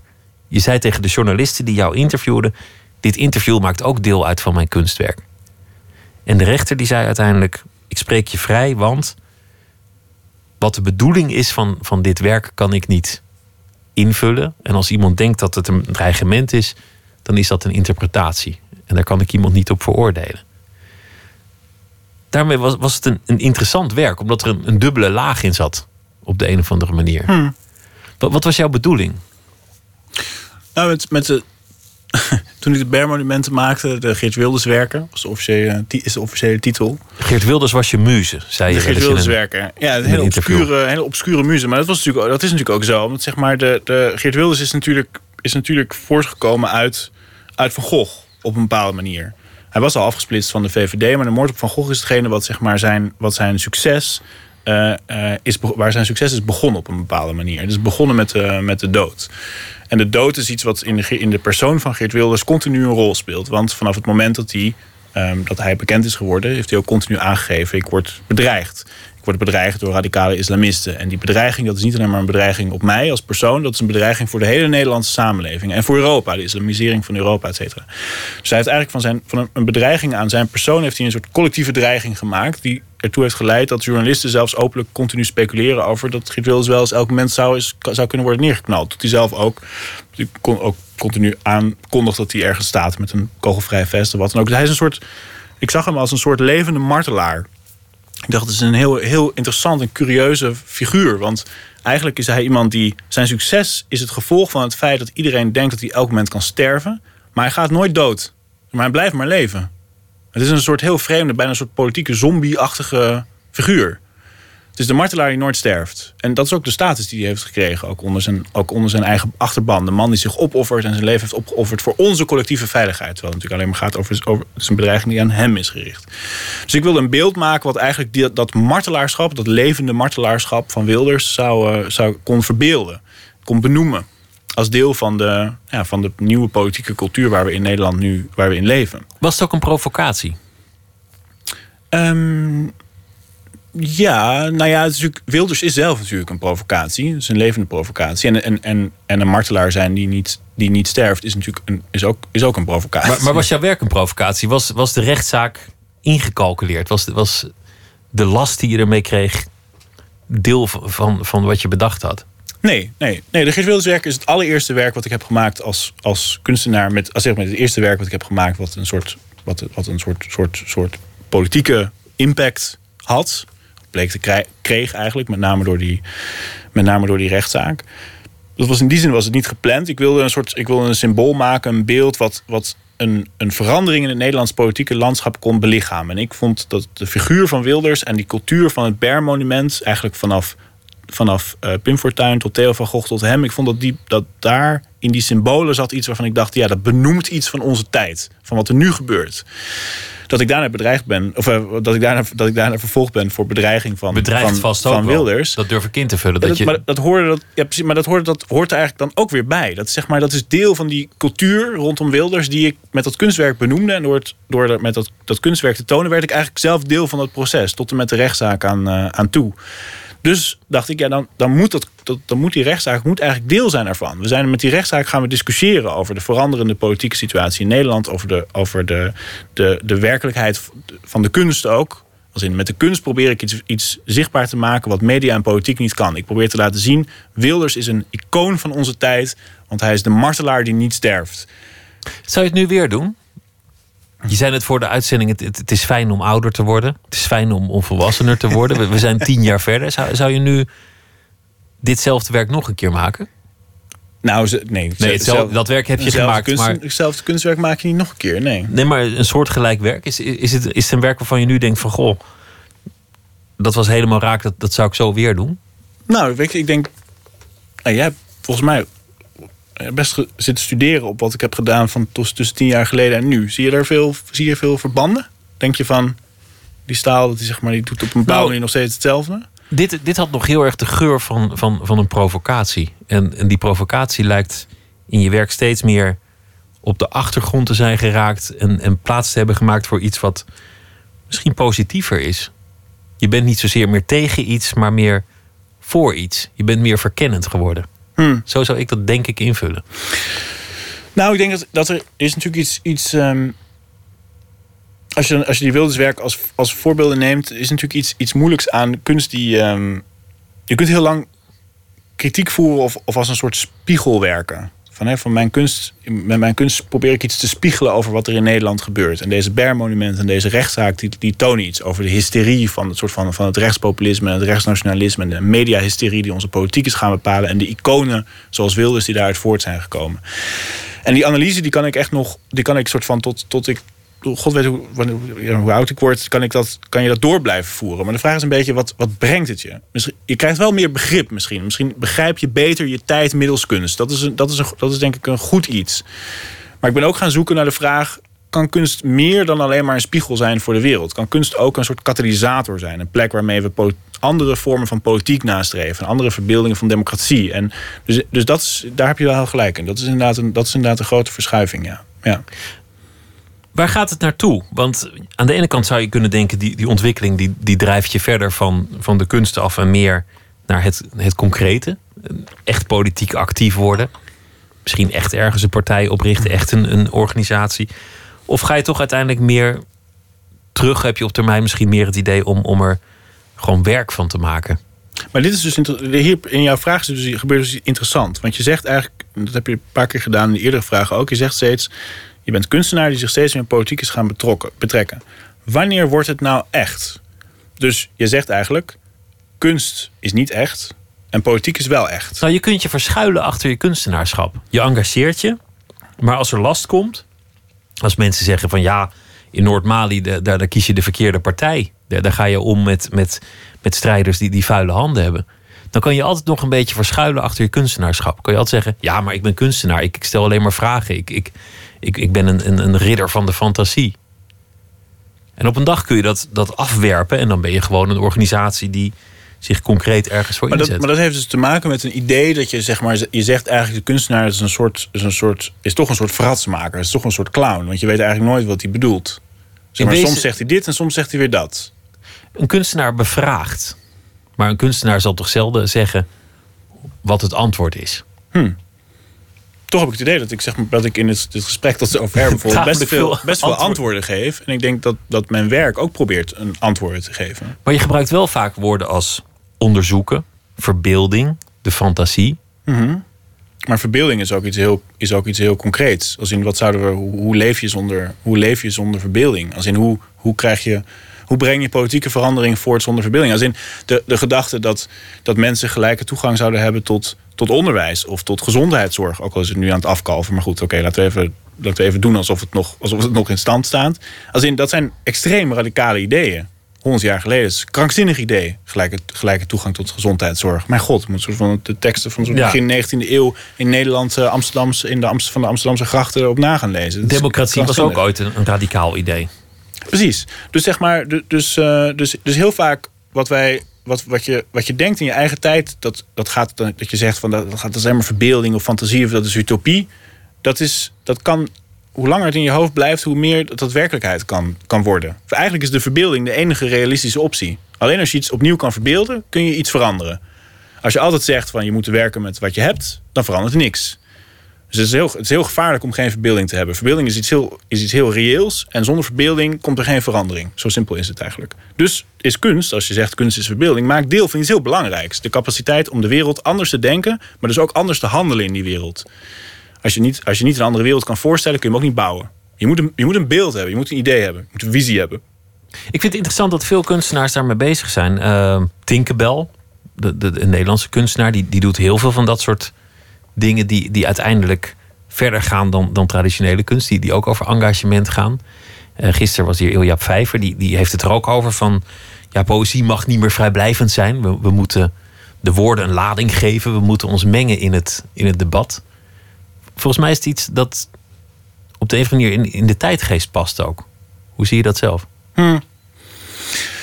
Nou, um, ik denk als ik, als ik, uh, als ik naar, naar als ik naar mijn, veel van mijn collega's kijk, bijvoorbeeld, ik werk veel met Matthijs de Bruyne, die met, een, die met de, de schoonmakersvakbond heeft gewerkt. Met uh, Elke Uizenthuis, die met de vluchtelingengroep We Are Here werkt in, in Amsterdam. Dus kunstenaars die zich heel sterk verbinden aan, aan politieke organisaties en bewegingen. We zijn, terwijl wij allemaal uit een soort van heel gedepolitiseerde generatie komen eigenlijk. Jaren negentig ontzettend een soort van, van uh, de, de, generatie van paars, zullen we maar zeggen. Het beste van verschillende werelden. Rood en, rood en blauw, de liberalen. Het einde, en, einde der ideologieën precies, heette dat het, toen. Het einde van de ideologieën en het einde van de, van de grote ideeën. Maar onze generatie is ook een aantal zeer serieuze uh, uh, crisis tegengekomen. de opkomst van het ultranationalisme in Europa hadden we ons niet kunnen voorstellen tien jaar geleden op de manier waarop dat nu plaatsvindt. Dat Wilders vandaag op 42 zetels staat in de peilingen Dan heb je het over iemand die zeg maar, van hoofddoekjes in, in publiek vervoer wilde, wilde, wil afschaffen. tot het bouwen van Guantanamo Bay. of het preventief bombarderen van Iran. Dat is natuurlijk een, soort krankzinnig, krankzinnig fascistoïde, fascistoïde politiek. Die, die bijna niet voorstelbaar was. Dus ultranationalisme. maar ook de, de economische crisis uh, van de afgelopen jaren die, zijn, die, die vormen denk ik wel de vluchtelingencrisis nu zeer belangrijk. Die vormen wel een soort katalysator van de wereld was niet, de wereld waarin we leven is niet zo stabiel um, als die lijkt. En, en, en, um, en politieke verandering is nog steeds noodzakelijk. We leven nog niet in de beste, van, beste der werelden of het minst slechte van werelden. Er is nog een enorme strijd om, om te voeren. Ik denk dat dat, dat, dat bewustzijn steeds, uh, steeds collectiever is geworden. En niet alleen maar onder kunstenaars. Ik denk onder heel veel mensen in de. Vertel nog even over de, de expositie die vanaf morgen uh, te zien is in Utrecht. Ja, nou morgen opent een expositie die heet Unstated. Dus dat is een, Engels, dat is een Engelse naam. Dus, maar dat is ook heel moeilijk om te vertalen. Maar je zou kunnen zeggen zonder staat of niet benoemd als ze staat. Ja, een moeilijke titel eigenlijk. Een, eh, een tentoonstelling met werk van verschillende kunstenaars die zich bezighouden met de relatie tussen kunst en stateloosheid, zou je kunnen zeggen. In uh, BAK Basis voor Actuele Kunst in Utrecht. Daar tonen wij een model van het parlement, wat op dit moment aan het bouwen zijn met uh, de, het Koerdische zelfbestuur. Dus een soort van architectonisch model, een soort maquette zou je kunnen zeggen. En beelden, foto's, video's uit de Koerdische beweging. En uh, morgenavond om 7 uur begint een driedaags, uh, driedaagse New World Summit. Een congres wat ik heb georganiseerd in de Universiteit van Utrecht. Waarin 30 uh, eh, stateloze organisaties van over de hele wereld samenkomen. Om te gaan spreken over de toekomst van. over de huidige crisis in de democratie. En de toekomst van het begrip democratie. Dankjewel voor je bezoek aan, de, aan dit programma. En uh, veel succes met alles wat je gaat doen, Jonas Staal. Dankjewel. Graag gedaan. We gaan luisteren naar uh, Lea Kliphuis uit Nijmegen zangeres. Tweede album The World Owes Me Nothing. En we gaan luisteren naar You Keep Me From Falling.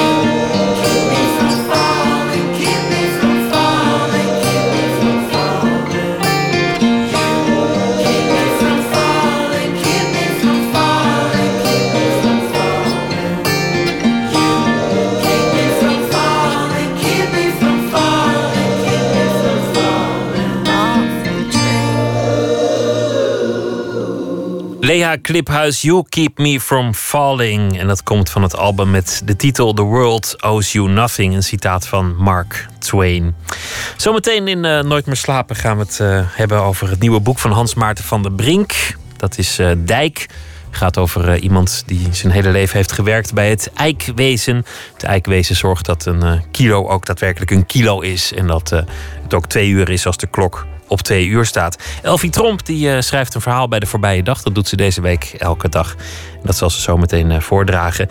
En we gaan het hebben over de muziek van B-films uit de jaren 60 en 70 bij voorkeur. Want eh, dat is een hele wereld om nog te ontdekken. Dat allemaal zometeen in Nooit meer slapen. U kunt ons volgen via Facebook, Twitter, VPRO NMS. En op Spotify vindt u de playlist van de muziek van Lotje IJzermans... die in dit programma wordt gedraaid. Tot zometeen.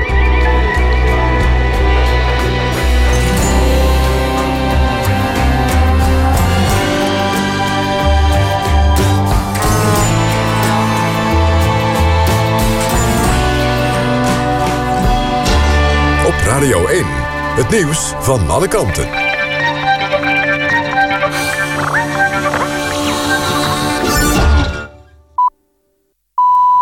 1 uur, Mark Hokker met het NOS-journaal. De burgemeester van Midden-Delfland in de buurt van Rotterdam... mag toch aan een derde termijn beginnen. Dinsdag stemde de gemeenteraad tegen de herbenoeming van Arnoud Rodeburg... maar van commissaris van de Koning Jaap Smit mag hij blijven. De gemeenteraad werd gisteren ontboden op het provinciehuis... om opheldering te geven. Sommige raadsleden hadden spijt van het wegstemmen van de burgemeester. Rodeburg zegt zich gesterkt te voelen om er weer zes jaar tegenaan te gaan in Midden-Delfland. In Luttelgeest, in de Noordoost, Noord, Noordoostpolder... is de hele avond een noodverordening van kracht geweest... vanwege een informatiebijeenkomst over asielopvang. In een gebied van vijf kilometer kon de politie optreden... tegen mensen die niet waren uitgenodigd. Ook journalisten waren niet welkom. De burgemeester zei vooraf dat informatieavonden in andere gemeenten... mede door de aanwezigheid van de pers uit de hand zijn gelopen. Hij had aanwijzingen dat dat ook in Luttelgeest zou gebeuren. De gemeente wil in het dorp met ruim 2000 inwoners... een tweede asielzoekerscentrum openen. Een manager van de Rijksuniversiteit Groningen... is de hoofdverdachte in een corruptiezaak. Hij is samen met zeven anderen opgepakt voor omkoping... en het witwassen van geld... De man is manager van een facilitaire afdeling van de universiteit. Hij zou geld hebben aangenomen van installatie- en bouwbedrijven... in ruil voor opdrachten. Volgens RTV Noord verdiende hij daar tonnen mee. Bij de failliete schoenwinkelketen Manfield blijft ruim de helft van de banen behouden. De nieuwe eigenaar, schoenenketen Sascha, neemt zeker 35 van de 60 Manfield winkels over. Er werken nu 600 mensen bij Manfield, daarvan kunnen er waarschijnlijk zo'n 350 blijven. De overname van Manfield door Sascha kwam eergisteren al naar buiten... maar de exacte cijfers waren toen nog niet bekend. Het weer bewolkt met in het noorden wat regen. Langs de kust kans op zware windstoten. Het wordt 2 tot 7 graden. Overdag bewolking met kans op regen. In de loop van de dag steeds meer buien. En dan 9 tot 11 graden. Dit was het NOS Journaal. NPO Radio 1. VPRO. Nooit meer slapen.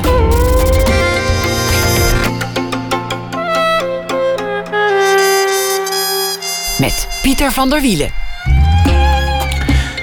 Elfie Tromp is schrijver en zal deze week elke nacht een verhaal voordragen over de voorbije dag. Ze is ook interviewer te zien in Joggingman, een uh, interviewprogramma te zien op het internet waarin ze al joggend mensen interviewt die dan ook een beetje op tempo moeten zien mee te komen natuurlijk. Elfie, goeienacht. Goeienacht. Vertel eens over de, de voorbije dag. Wat, uh, wat was het vandaag? Uh, ik denk dat het uh, de dag van Samson was. Dus uh, ik ben in zijn hoofd gekropen en ik heb een, een monoloog vanuit zijn visie geschreven. Nou, dat, dat deed hij wel met, met, met, met een zekere mate van energie. Dan had hij een plan om, om de vluchtelingenstroom op te lossen en te keren. En, en had overal zijn woordje klaar. En dan kreeg hij weer een wedervraag van... ja, maar is dit niet moeilijk en is dat niet? Dat had het helemaal uitgedacht. Ik vond, ik vond, ja, vond wel... hij, je zag hem bijna schouderklopjes aan zichzelf geven. Ik vond het zelf niet echt meer een plan... maar eerder een manier om... Uh, ja, om toch uh, uh, te laten zien dat hij toch maar vooral daadkrachtig was... en een leider. ja, ja, op die manier. Ja, ik vind, ik vind dat Ja. mooi als, als mensen voor gigantische problemen... ineens de oplossing eh, zeggen ja, hele te hebben. simpele oplossingen ook. Dat je denkt, ach ja, daar hebben we nog helemaal niet over nagedacht. Laten we gewoon een veerboot terugvaren. Ja, nou, en volgende week een oplossing voor de honger in de wereld. En eh, Het is Ja, mooi als mensen daadkracht tonen. Ik ben benieuwd naar je verhaal. Oké, dus ik heb een monoloog geschreven vanuit Samson. Elke avond pruts ik met mijn veters. Ze zijn te glad en dubbel gestrikt. Ik zit op de rand van mijn bed. Als ik ze eindelijk uit heb, kijk ik er even naar. Mijn degelijke leren herenschoenen. Nietszeggend model, glad gepoetst. Mijn warme voeten dampen na. Ik wiebel mijn bevrijde tenen. Een klein euforiemoment. Daar heb ik er weinig van. En dan komt het. Alleen dan, als het licht al uit is en ik me moet overgeven aan dat donker, ja. Dan vraag ik mezelf er eens af waar ik nu helemaal mee bezig ben. Ik wilde moedig zijn, mijn naam waarmaken. Wat ik wilde zijn was een voorbeeld, iemand om tegenop te kijken. Barmhartig, met een ruggengraat. Een landsbestuurder met een wereldvisie. Wier schaffendas werd er gezegd. In de verhalen van mijn jeugd werd moed altijd beloond. Dus ik zei, we kunnen het aan. Maar dapperheid is niet populair in de peilingen. Ik lig s'nachts wakker. Een klein stemmetje zingt rond in mijn kop. Verkiezingsjaar. Tegenwicht. Geert, die helblonde pestkop zit me dwars. Hij stilt mijn stemmen. De hele nacht lig ik te woelen. Langzaam spoelen de brokstukken van een kapotgeslagen visie aan. Ik bouw er een, blot, een vlot van. Het is niet heel sterk. Het is niet groot. Maar het blijft drijven. Ochtends is plan Samsom een feit. Een veerdienst, zeg ik. Simpel. Ze kruipen uit hun gammele bootjes de Griekse kiezelstranden op en wij zetten ze terug naar Turkije op luxe stenalijners. Zakje borrelnootjes inbegrepen. Ik hou mijn adem in, wacht de peilingen af. Kijk, ik weet ook wel dat het niet zo simpel ligt. Het gaat er niet echt om wat je doet, maar om wat je zegt. Een ruggengraat is sterk, die breekt niet zomaar. Die kun je een heel eind buigen. En ik ben heel flexibel. Het plan Samsom. Dankjewel Elfie Tromp voor uh, je verhaal. En morgen weer een verhaal. Voor nu een hele goede nacht. En uh, graag tot morgen. Tot dan. Uit Dallas, Texas, een soulzanger die alle hoeken van de showbiz kende. Hij was songschrijver, zanger, producer, plugger, DJ. En uh, we gaan nu luisteren naar hem als zanger. Eind jaren 60 was dat, begin jaren 70. Married Lady, hier is Bobby Patterson.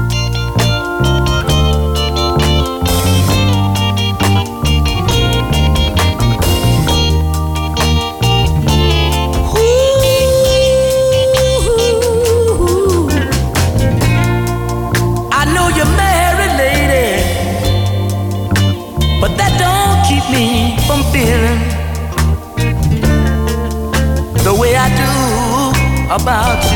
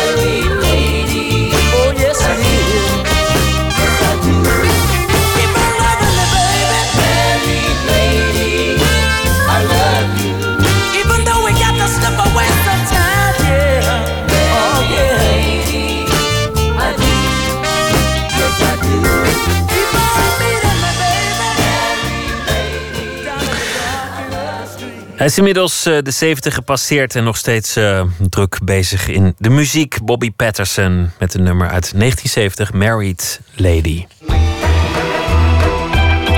Nooit meer slapen.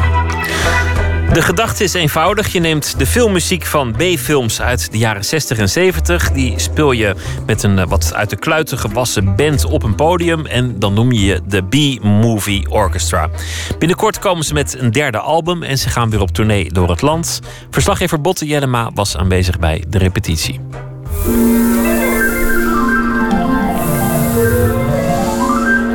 Wat is B-Movie Orchestra? Het is een grote band. Er zijn 13, 13 mensen op het podium. En we spelen veel muziek uit de jaren 60 en 70 van voornamelijk B-films en exploitatiefilms. Dat is zeg maar meer de cult cinema. De soundtracks daarvan, want daar is het allemaal mee begonnen, die zijn kwalitatief zo sterk en zo goed en nog steeds nog zo fris en nieuw.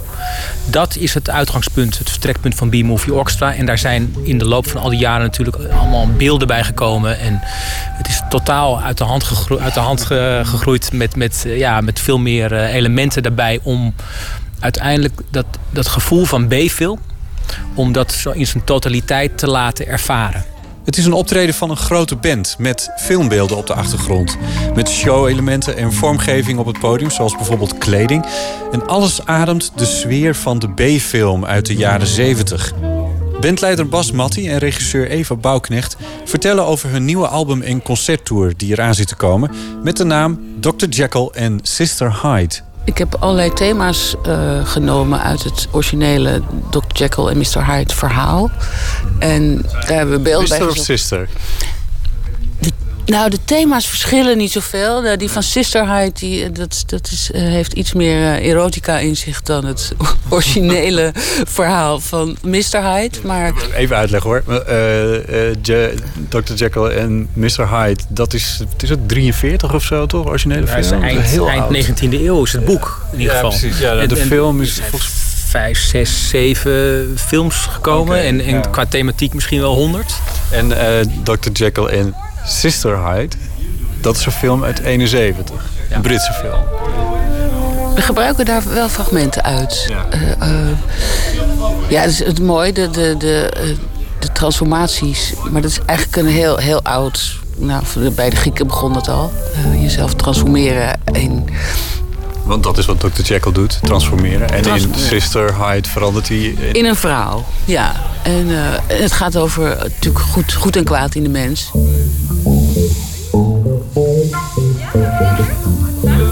Het moet natuurlijk wel gaan om die B-filmbeleving, om het maar even lelijk uit te drukken. Maar het, is- het is geen camp wat we hier aan het doen zijn. Dat is. eh, Nee, het gaat, gaat wel om, om wezenlijke dingen. De B-filmbeleving. We komen er zo nog even op terug. Eerst die muziek. Ja, het eerste idee was eh, wel eh, Quentin Tarantino, Jackie Brown. Gewoon hoe hij muziek met beeld combineert. Het is gewoon heel lekker. Dus je zit in de stoel en je... je, je Een van de eerste films hè, van Tarantino, Jackie nou, Brown. Zijn, eh, zijn derde, denk ik. En, eh, dus ja, tegenwoordig gezien eh, een van zijn eerste films. En dat, dat kan hij heel goed. Hij overdrijft dat heel erg. Het is bijna een soort videoclip. Dat is toch ook de generatie waar ik vandaan kom, videoclips. Dus dat vond ik wel heel fijn. En die muziek is toch, nou dat viel me toch ook wel op. Die muziek is gewoon heel sterk. Toen dacht ik van laat ik een beentje beginnen met die muziek. De, de muziek van Jackie Brown. Nee, niet, nee, niet Jackie. Nee, want dat is Blaxploitation.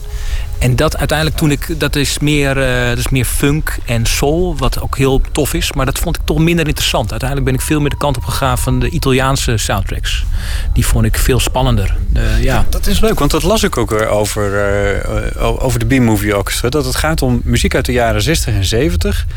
Toen Europese componisten, want dat, dat staat er dan heel nadrukkelijk, de Europese componisten, eh, filmcomponisten begonnen met, met invloeden van blues, rock, bossa nova. Dan maak ik het rijtje ook af, klassiek, psychedelica en, en funk. Maar dat, Ja. Dus specifiek die Euro Europeanen, waarom? Ja, nou, die, die vind ik. Nou, die zijn ook trouwens. eh, er zijn ook waanzinnig Amerikanen die waanzinnig goed zijn. Dus, maar dat- ik merk gewoon dat wel qua beweging. is vond ik wat uit die tijd uit Europa kwam het, het interessantst. Zowel eh, qua film en, eh, en ook muzikaal. Die componisten zijn waanzinnig goed. En hoe het werd opgenomen was heel erg goed. De muzikanten waren gewoon goed. Het werd allemaal echt gespeeld, opgenomen in de studio. Totaal anders dan nu. Als je nu een film hebt waar het budget wat minder hoog is, dan wordt gewoon één persoon achter aan het werk gezet en die haalt gewoon orkesten uit eh, computer 1 en eh, een tof bandje uit computer 2, bij wijze van spreken. Maar het is natuurlijk een heel ander iets dan hoe dat in die tijd eh, gemaakt werd. En ik moet, ja, je hoort het toch echt wel. Dat maakt de muziek interessant voor Bas. Het zit goed in elkaar en het is door echte muzikanten gespeeld... in plaats van dat het uit een computer komt. Een ander kenmerk van de muziek is dat er wel zang in zit, maar zonder tekst.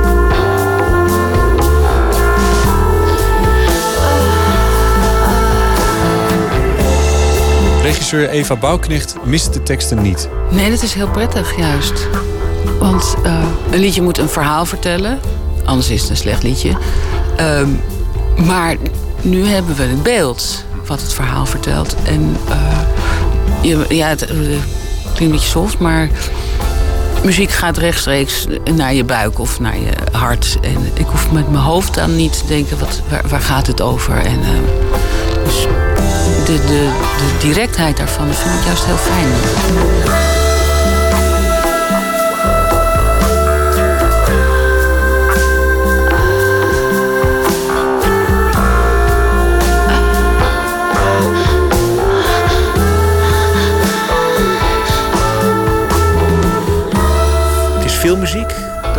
Het is heel spannend. Het is nooit, eh, ik, bedoel, ik ben ook gek op popmuziek, maar dit is filmmuziek. Dus het heeft die spanning van filmmuziek. Het is, is- er zitten allerlei onvoorspelbare elementen in. Maar het is niet die grootse Hollywood, meer symfonische eh, filmmuziek. Dat is ook, kan ook heel erg tof zijn. Maar, Het zijn eh, orkesten, dus dan heb je strijkers en, en grote piano's. En hier gaat het meer over eh, elektronische ele- instrumenten, bandjes. Ja, bandjes, precies. Dus hier maken ze die combinatie. Want ja, ook hier denk, het zal ongetwijfeld ook weer een budgetding zijn. Een echt budget voor zo'n heel groot orkest, dat hadden ze niet. Dus ze zochten het eh, klein bij een bandje. En daar kwamen dan wel strijkers bij, in kleine getalen en blazers. En dat heeft ook een blazerssectie. Ja, precies. Ja, en dat leverde hele interessante muziek op. Het B-Movie Orchestra blijft dicht bij het origineel. Neem het openingsnummer van het nieuwe album. Beat, Fuga, Shake.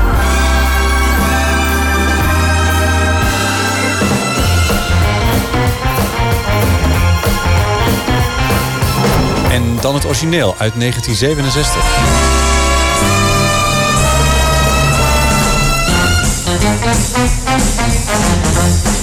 Het komt uit de film Tiffany Memorandum. The appointment was set at Tiffany's. An unrelenting flow of events marked every dangerous hour. Tiffany Memorandum. Na een opeenstapeling van incidenten rondom een moord op een belangrijk diplomaat raakt journalist Dick Malloy verzeild in een spectaculaire spionagetocht door Berlijn en Parijs. Listen, the secretaries I have don't know how to take shorthand. They just know how to take their clothes off. Is that right? And I suppose that's what you expect me to do. No, that isn't necessary. Just as long as we can come to some agreement. Of zoals een Engelse recensent schrijft... Het plot van Tiffany Memorandum is ingewikkelder dan een zak krakelingen. Omdat elk karakter zich voordoet als iemand anders. Pardon me, but I was told this is where I can find Richard Hallam. Richard Hallam. Yes, room 389. And who are you, please? You can tell him his wife's here. But his wife already came to visit him this morning. Is het een B-film? 50 stemmers op de Internet Movie Database geven hem een 4,8 van de 10.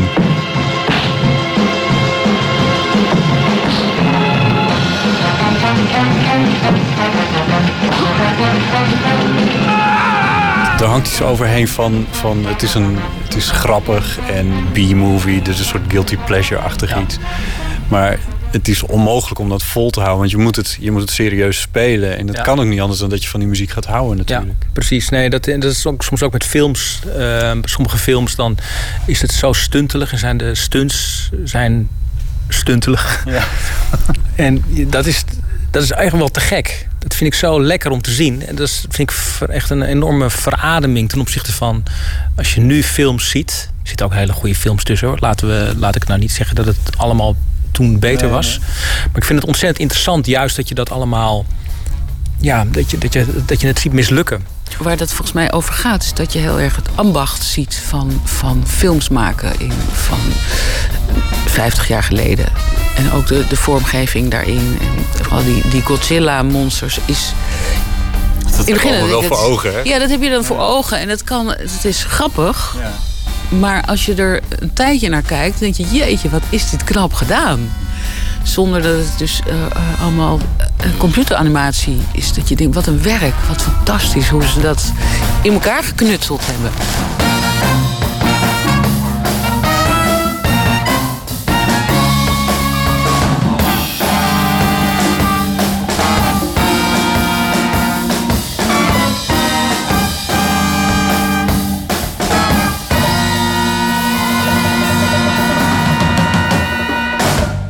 Regisseur Eva Bouwknecht en bandleider en drummer Bas Matti van de B-Movie Orchestra. Volgende week zaterdag is de albumpresentatie in eh, Amsterdam in de Tolhuistuin.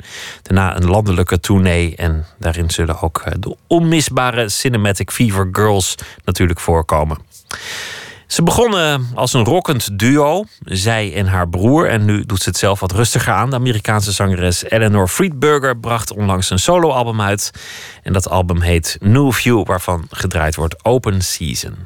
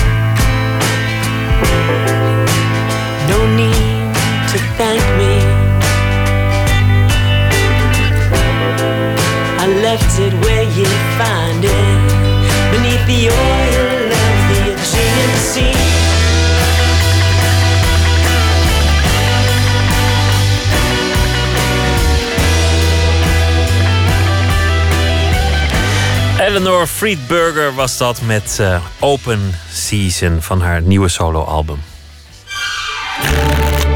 Open kaart.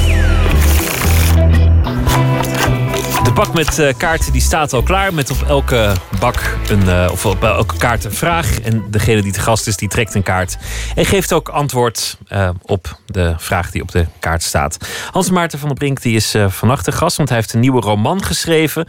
Het boek heet Dijk. Hij heeft eh, inmiddels meerdere romans geschreven. Hij heeft ook andere dingen gedaan. Hij is ooit hoofdredacteur televisie geweest bij de VPRO. Hij is eh, directeur van het Mediafonds geweest. Nou ja, heel veel andere nog steeds. de bijzondere projecten doet hij al daar. Kortom, iemand met wie veel te bespreken is. En dat doen we aan de hand van die kaarten. Eerst maar even over het boek Dijk. Gaat over het. eh, Pieter. goeienacht. Gaat over het eikwezen. Ja, klinkt meteen heel boeiend, hè? Het eikwezen, dat, dat was vroeger een instituut dat ervoor moest zorgen dat, dat alle maten een beetje klopten. Dat, dat een weegschaal het goede gewicht aangeeft. Dat een klok ook goed loopt. En als je gaat tanken en er staat 10 liter, dat het dan ook 10 liter is. Ja. Het bestaat inmiddels niet meer. Het bestaat wel, de functie bestaat nog wel. Maar het, heeft een, eh, het, is heel lang een soort hele stabiele factor geweest in, in de samenleving en in de economie met name. Ehm, ehm, ehm, onder, onder Willem I eh, eh, flink in de markt gezet. Overal kantoren en mensen die rondreisden en controleerden.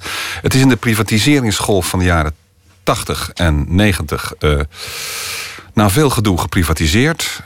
En dat is heel ongelukkig verlopen. Ehm, en, en we zitten nu in de, in de merkwaardige fase dat het eh, per 1 januari opnieuw verstatelijkt is. En ehm, dit klinkt alsof ik een geschiedenis van het eikwezen heb geschreven. Dat heb ik in het geheel niet gedaan. Ik heb een hoop gefantaseerd, maar de setting is die van ehm, mensen die de, de juiste standaard moeten bewaken.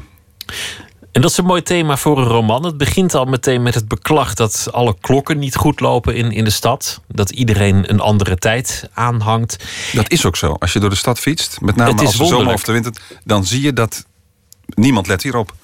Ik heb en dan heb ik het niet alleen maar over de particuliere hè, aan winkels of zo, maar ook gewoon de stadsklokken. Die lopen allemaal verkeerd. En als je op het Leidseplein in Amsterdam fietst, eh, een maand nadat de zomertijd of wintertijd is inge- ingegaan, dan staan de klokken verkeerd.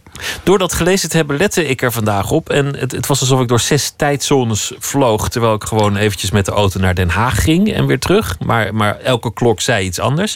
Toen ging ik ook op de temperatuur letten. En die varieerde ook van min 19 tot plus 36. Op van die uithangborden langs de weg die ook de temperatuur Nou ja, dat aangeven. kunnen nog microklimaten zijn, maar, maar met, met de tijd is toch wel merkwaardig. En ook weer niet, want ook tijd is een relatief iets. Uiteraard. Nou, nou lijkt, het, lijkt het misschien ook iets over, over, de, over de tijd geest te zeggen. Gisteren was eh, Ilja Vijver hier te gast en die zei... de waarheid is min of meer opgeheven omdat iedereen toegang heeft tot de waarheid via het internet. En dus is er niet meer één gemeenschappelijke standaard. Is, is dat waar het eigenlijk symbool voor staat? Is, is dat waar je misschien een boek over wilde maken? Dat woord eh, een symbool, eh, eh, dat is lastig. Ehm, ehm, het, het, is een rijk onderwerp, al klinkt het misschien wat saai. Ehm, het is ook een lastig onderwerp, omdat meten gaat over vergelijken. En veel schrijven is ook vergelijken. En, en daardoor zit je dus al met. schrijf ik nu een boek met metaforen over metaforen. Ingewikkeld. Maar om op de woorden van, van Ilja te reageren. Ik geloof niet dat er ooit een standaard voor de waarheid heeft bestaan. Uiteindelijk is de mens de maat van alle dingen. En alle pogingen om, om in de natuur iets te vinden zijn ofwel tot mislukken gedoemd. Ofwel, als we, ze, als we ze dan gevonden denken te hebben, wat een paar keer in de geschiedenis gebeurd is. ehm, eh, eh, dan zal blijken dat ze eh, terzijde worden geschoven. In Parijs ligt nog de echte kilo. Die, die ligt in een kluis. Die wordt elk jaar gecontroleerd. En zo heb je nog wel eh, ook ergens een, een echte atoomklok staan. Waar alle klokken op afgestemd moeten worden. Er Maar zijn wacht wel- even, daar is iets bijzonders mee. Eigenlijk alle standaarden in de, natuur, in, in, de, in de natuur, dus die voor temperatuur en voor de tijd en zo, die, die, die leiden we eh, inmiddels wel af van constanten. Hè. Het, het, het, het trillingen, golven, dingen die dus overal hetzelfde zijn. Niet dat je dat dan ook doet, want het kost nogal wat eh, eh, ingewikkelde fijnmechanica om thuis een atoomklok te hebben, zou ik maar zeggen. Of, of de dichtheid van gas te meten. Maar dat kan. Het is alleen voor dat ene ding nog niet gelukt om, om, om, een, om een, iets anders dan, dan een, een stukje materie, een fysieke standaard te hebben. Eh, Vroeger had je, heel vroeger, nou niet eens zo heel vroeger, nog in de 17e, 18e eeuw, had je op het gemeentehuis had je de L of zo. En dan ging iedereen langs kijken hoe, hoe, hoe is in deze stad, eh, wat is de lengtemaat. En een dorp verder was het een andere. Maar je had ook nog tot in de 19e eeuw, zelfs in Nederland, verschillende tijden voor dorpen, officieel. Ehm, dat is allemaal gestandaardiseerd. eh, en inmiddels gestandaardiseerd volgens iets wat je uit de natuur, wat je overal kunt meten. Het is met de kilo nog steeds niet gelukt. Dat is ook een frustratie voor natuurkundigen. Hè? Dat je met zoiets primitiefs als een stukje metaal, wat je in een kluis bewaart, dan moet iedereen over de hele wereld moet naar Parijs. Gebeurt eens in de twintig jaar. Komen de kilo's uit de verschillende landen. Komen eh, hallo zeggen tegen de, de, de opperkilo in Parijs. Ehm, dat het dat is. Ik heb hem mogen zien onlangs, de Nederlandse kilo. Dat mag eigenlijk niet, maar ik moest een proces, een protocol ondertekenen. En dan uren van tevoren begint dat kluis opengemaakt. En er ligt een heel klein schijfje. En alle kilo's in Nederland zijn van dat schijfje afgeleid. Was dat, was dat en eigenlijk onderzoek is, voor het is dat, dat Nee, het boek was klaar. En, en, en, en ik werd geïnterviewd voor Vrij Nederland en de verslaggever zei... probeer nou eens dat te doen. En zelfs de mensen die bij het eikwezen werken... hebben hem niet gezien. En het, het lukte. Dat was een hele aardige... Dat is een mevrouw tegenwoordig die hem bewaakt. En die eens in de twintig jaar dat dan weer wel. Je denkt, dan gaat hij in een gepantserde auto naar Parijs. Gaat in een lullig houten kistje. Stapt ze in de trein. En ehm, ze was nog bijna te laat gekomen met een taxi en zo. Dat je denkt, oké.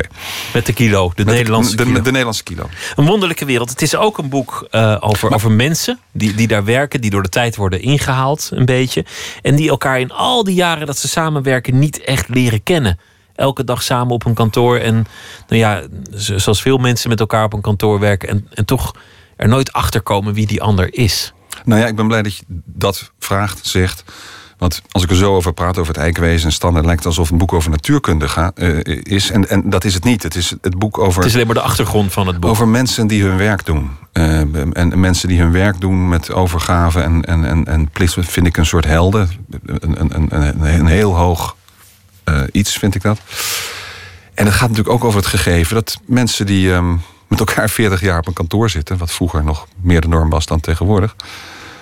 die brengen dus meer tijd door met hun collega's... zeker weekdagen, dan met hun vrouw of hun kinderen of zo. Maar ken je ze? En wat voor verhoudingen ontwikkelen zich daar? En dan na 40 jaar dan houdt het op om wat voor reden dan ook. En dan moet je iets over de ander zeggen. En, en dan denk je, ja, wat zal ik daar nou eens over zeggen? Nou ja, in dit geval krijgt één man, de, de, de ik-figuur, de verteller in het boek, krijgt de opdracht om de afscheidstoespraak te schrijven. En hij komt erachter dat, dat die, die, die, die collega van hem, Dijk, naar wie het boek is genoemd, dat hij hem eigenlijk meer als een soort, als een soort standaard, als een soort cliché heeft gebruikt. Als iets, als iets wat hij niet is. Eh, eh, en, en dat hij waarschijnlijk toch gewoon ook een mens is geweest. En dat, plus de hele verandering in de samenleving... en met name iets wat me erg eh, aan het hart gaat... en wat ik heb meegemaakt, omdat ik eh, nou ja, ook al wat ouder ben... ehm, d- dat eh, de, winkels verdwijnen. Ik herinner me de eerste supermarkt, dat was me wat. Ehm, dat, dat, dat ons hele landschap verdwijnt... en dat tegelijkertijd er iets met de tijd is... en dan komen we weer op op de klokken en de lokale tijd... Tijd en ruimte ehm, zijn volgens Einstein op een ingewikkelde manier veranderd. Daar snap ik niets van. Maar ik snap wel heel goed dat de jaren 50 niet ophouden in 1960. En dat de jaren 50 bijvoorbeeld in Groningen of in Drenthe nog 20 jaar door kunnen gaan. Terwijl wij al in de jaren 70 leven. Eh, dus dat, dat, dat tijd niet zoiets, inderdaad niet zoiets eenduidigs is. Het Tijd lijkt is niet dat je het concreet. kunt meten. Ja. Nee, hij is wel concreet, maar hij is lo- eh, ook lokaal bepaald. Tijd en ruimte kaart? zijn verwant. We, we gaan het doen. We gaan een kaart trekken. Eh, Althans, jij gaat een kaart trekken. En ik ben benieuwd welke vraag erop staat. Het kan van alles zijn. Ja. Ja. Leesbril op. Ik haal een beetje uit het midden. Wat is je terugkerende nachtmerrie? Ik heb een hele gewone. Vertel eens. Ik haal mijn eindexamen niet. Nog steeds niet? En het is, hier is onderzoek naar gedaan, weet ik toevallig, naar deze droom. Ehm, alleen mensen die, ehm, eh, die een eindexamen wel gehaald hebben, hebben hem. Douw Draaisma heeft dit uitgelegd in een boek. Ik kan niet precies meer reconstrueren hoe dat zo is. Maar, maar dit is hem. Dat ik, dat ik denk, maar ik, dat Grieks, ik snap er ook echt helemaal geen bal van.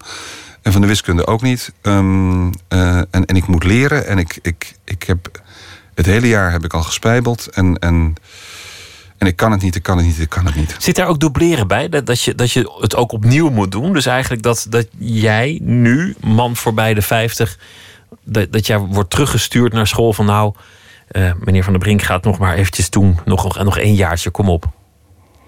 Nou ja, het is falen. Ehm, het is gewoon falen. Nee, ja. dubleren, ik heb nooit gedoubleerd hoor.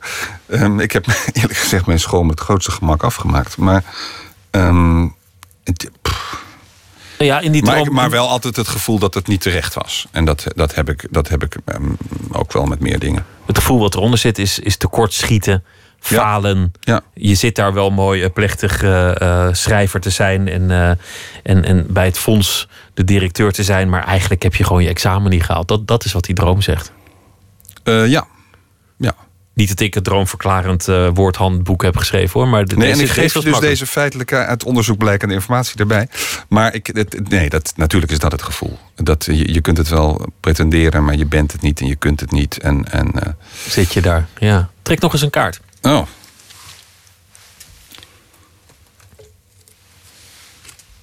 Wie zou je willen zijn? Ja, wie zou je willen zijn? Een, een betere versie van mezelf, denk ik. En waarin zou die, die versie verschillen van de huidige versie? Nou, ik zou al die examens halen. ik zou niet te twijfelen schieten. ja, ja, dat is het wel. Ehm, Meer, meer zelfverzekerd zijn. Ja, ja, ja. Meer geloven dat. Ja, ehm, laten we zeggen dat, dat als je een. Ik heb er meteen weer een bijgedachte bij. Als je, dat als je een boek schrijft, dat je gewoon op een motorfiets gaat zitten en zegt: eh, Dit is een onverbiddelijke bestseller. Ehm, en ik ben fantastisch. En waarschijnlijk zijn mensen die dat doen, die twijfelen nog meer aan zichzelf dan ik. Want die overschreeuwen het. En jij, jij laat hier weten, ik ben eigenlijk heel onzeker. Ja, dat is misschien ook een ongelooflijk slim trucje. om, nou, of eh, een heel moedige daad. Nee, nee, nee, dat is helemaal niet moedig. Dat, eh, dat wekt enorm veel sympathie. Ehm, ja, wie zou je. Ja, nee, maar nou goed. Ik gaf spontaan het, eh, het, het, het, het antwoord wat bij mij opkwam. En dat is een betere versie. Ik wil niet iemand anders zijn of zo. Maar wel Terwijl er- jezelf, terwijl maar dan Heel veel een- mensen zijn die, ik- die ik bewonder, omdat ze fantastische schrijvers zijn of zo. Maar dan denk ik niet dat ik. Dat zou. hun. Nee, het is wel goed dat ze er zijn. Maar ze zijn er al en jij bent, eh, bent er ook. En ik ben er met een, met een geringer talent. eh, Kom, ik, ik ben een werkvoetballer. Ik, ik, ik, ik doe mijn best om... Ja, trek Ja. er nog een. Dit is een, een vraag waar ik hetzelfde antwoord. Wat wil je geven. later Wat wil je later worden? Ja. Een betere versie van mezelf. Nou, oké. En, en, en ik moet erbij zeggen dat ik nog altijd wel het gevoel heb dat ik. Dat later nog komt. Ja. ja. Dat Ja, later dat is zoiets- niet, niet nu dat is het of... allemaal nog moet beginnen. Ja. Dat Heerlijk wat een gevoel. beetje absurd is eh, langzamerhand, maar goed. Nee, dat moet je vasthouden tot, Ja. je, tot je hartstikke 90 bent. Nog één kaart. Nog één. Nou, een hele verrassende hoop ik. Ben je meer van het talent of de techniek? Dit zijn echt allemaal hele lastige vragen hoor. Dat is ook een beetje de bedoeling, hè? Ehm, ik, volgens mij is het geen tegenstelling, talent en techniek. nee, maar er Ehm, staat meer. Je kunt, je kunt, je oh, kunt ja. overhellen. Je noemde jezelf ook een werkvoetballer. Ja, ja, ik, eh, ja, maar een werkvoetballer heeft dus niet noodzakelijk heel veel techniek. Die moet gewoon heel erg zijn best doen. En dat ben ik. ik het komt me niet aanwaaien. Ik, eh, ik, ik, ik, ik zie Dus dat, dat vooral is bij, nog, bij jongere talent, cijfers vaak een nog soort... techniek, maar gewoon inzet. Ja. Maar je Ja, ziet bij jongere schrijvers, wat wilde je zeggen? Nou, vaak een soort toon, een soort gemak waarvan ik denk, jee, het, is, het, het, het, het, het lijkt wel alsof het het een permanente stand-up is of zo. Dat, die, dat moet toch een. Dat, nou, misschien dat het helemaal niet komt aanwaaien, maar ik moet echt voor iedere iedere meter eh, buffelen. Ehm, en tegelijkertijd heb ik geleerd om, op, eh, om heel erg op eh, intuïtie te vertrouwen. Want ik plan niet zoveel. Eh, ik, ik, ik, schrijf niet een roman zoals deze vanuit een idee. Bijvoorbeeld een idee over het eikwezen. Ik schrijf een roman uit, uit beelden. Uit, uit, uit laat ik zo zeggen, er zit een scène in van een, een, een meneer in een café met een hele achtergrond en enzovoort. Maar de enige reden dat die, dat die in het boek zit, is dat ik voor het café staat een fietsenrek met een reclame van Hero Perl. En ik wou per se iets schrijven waar een fietsenrek voor kwam met Hero Perl en voor een café. En dan ga ik het café in en dan gaat het verder. Dus dat is, dat is dan weer niet eh, heel hard werken, want dan gebeurt er van alles. En dan, maar om het op papier te krijgen, Dat is dan hard werken. Het Ja. boek eh, heet Dijk. Dankjewel, Hans Maarten van der Brink. Veel succes met eh, het boek en alles wat je verder gaat doen. Dankjewel. De 31-jarige Californische performancekunstenaar Lawrence Rothman maakt ook muziek. En dat klinkt nog leuk ook. Het eerste album komt binnenkort uit. We gaan luisteren naar eh, de single van het album. Users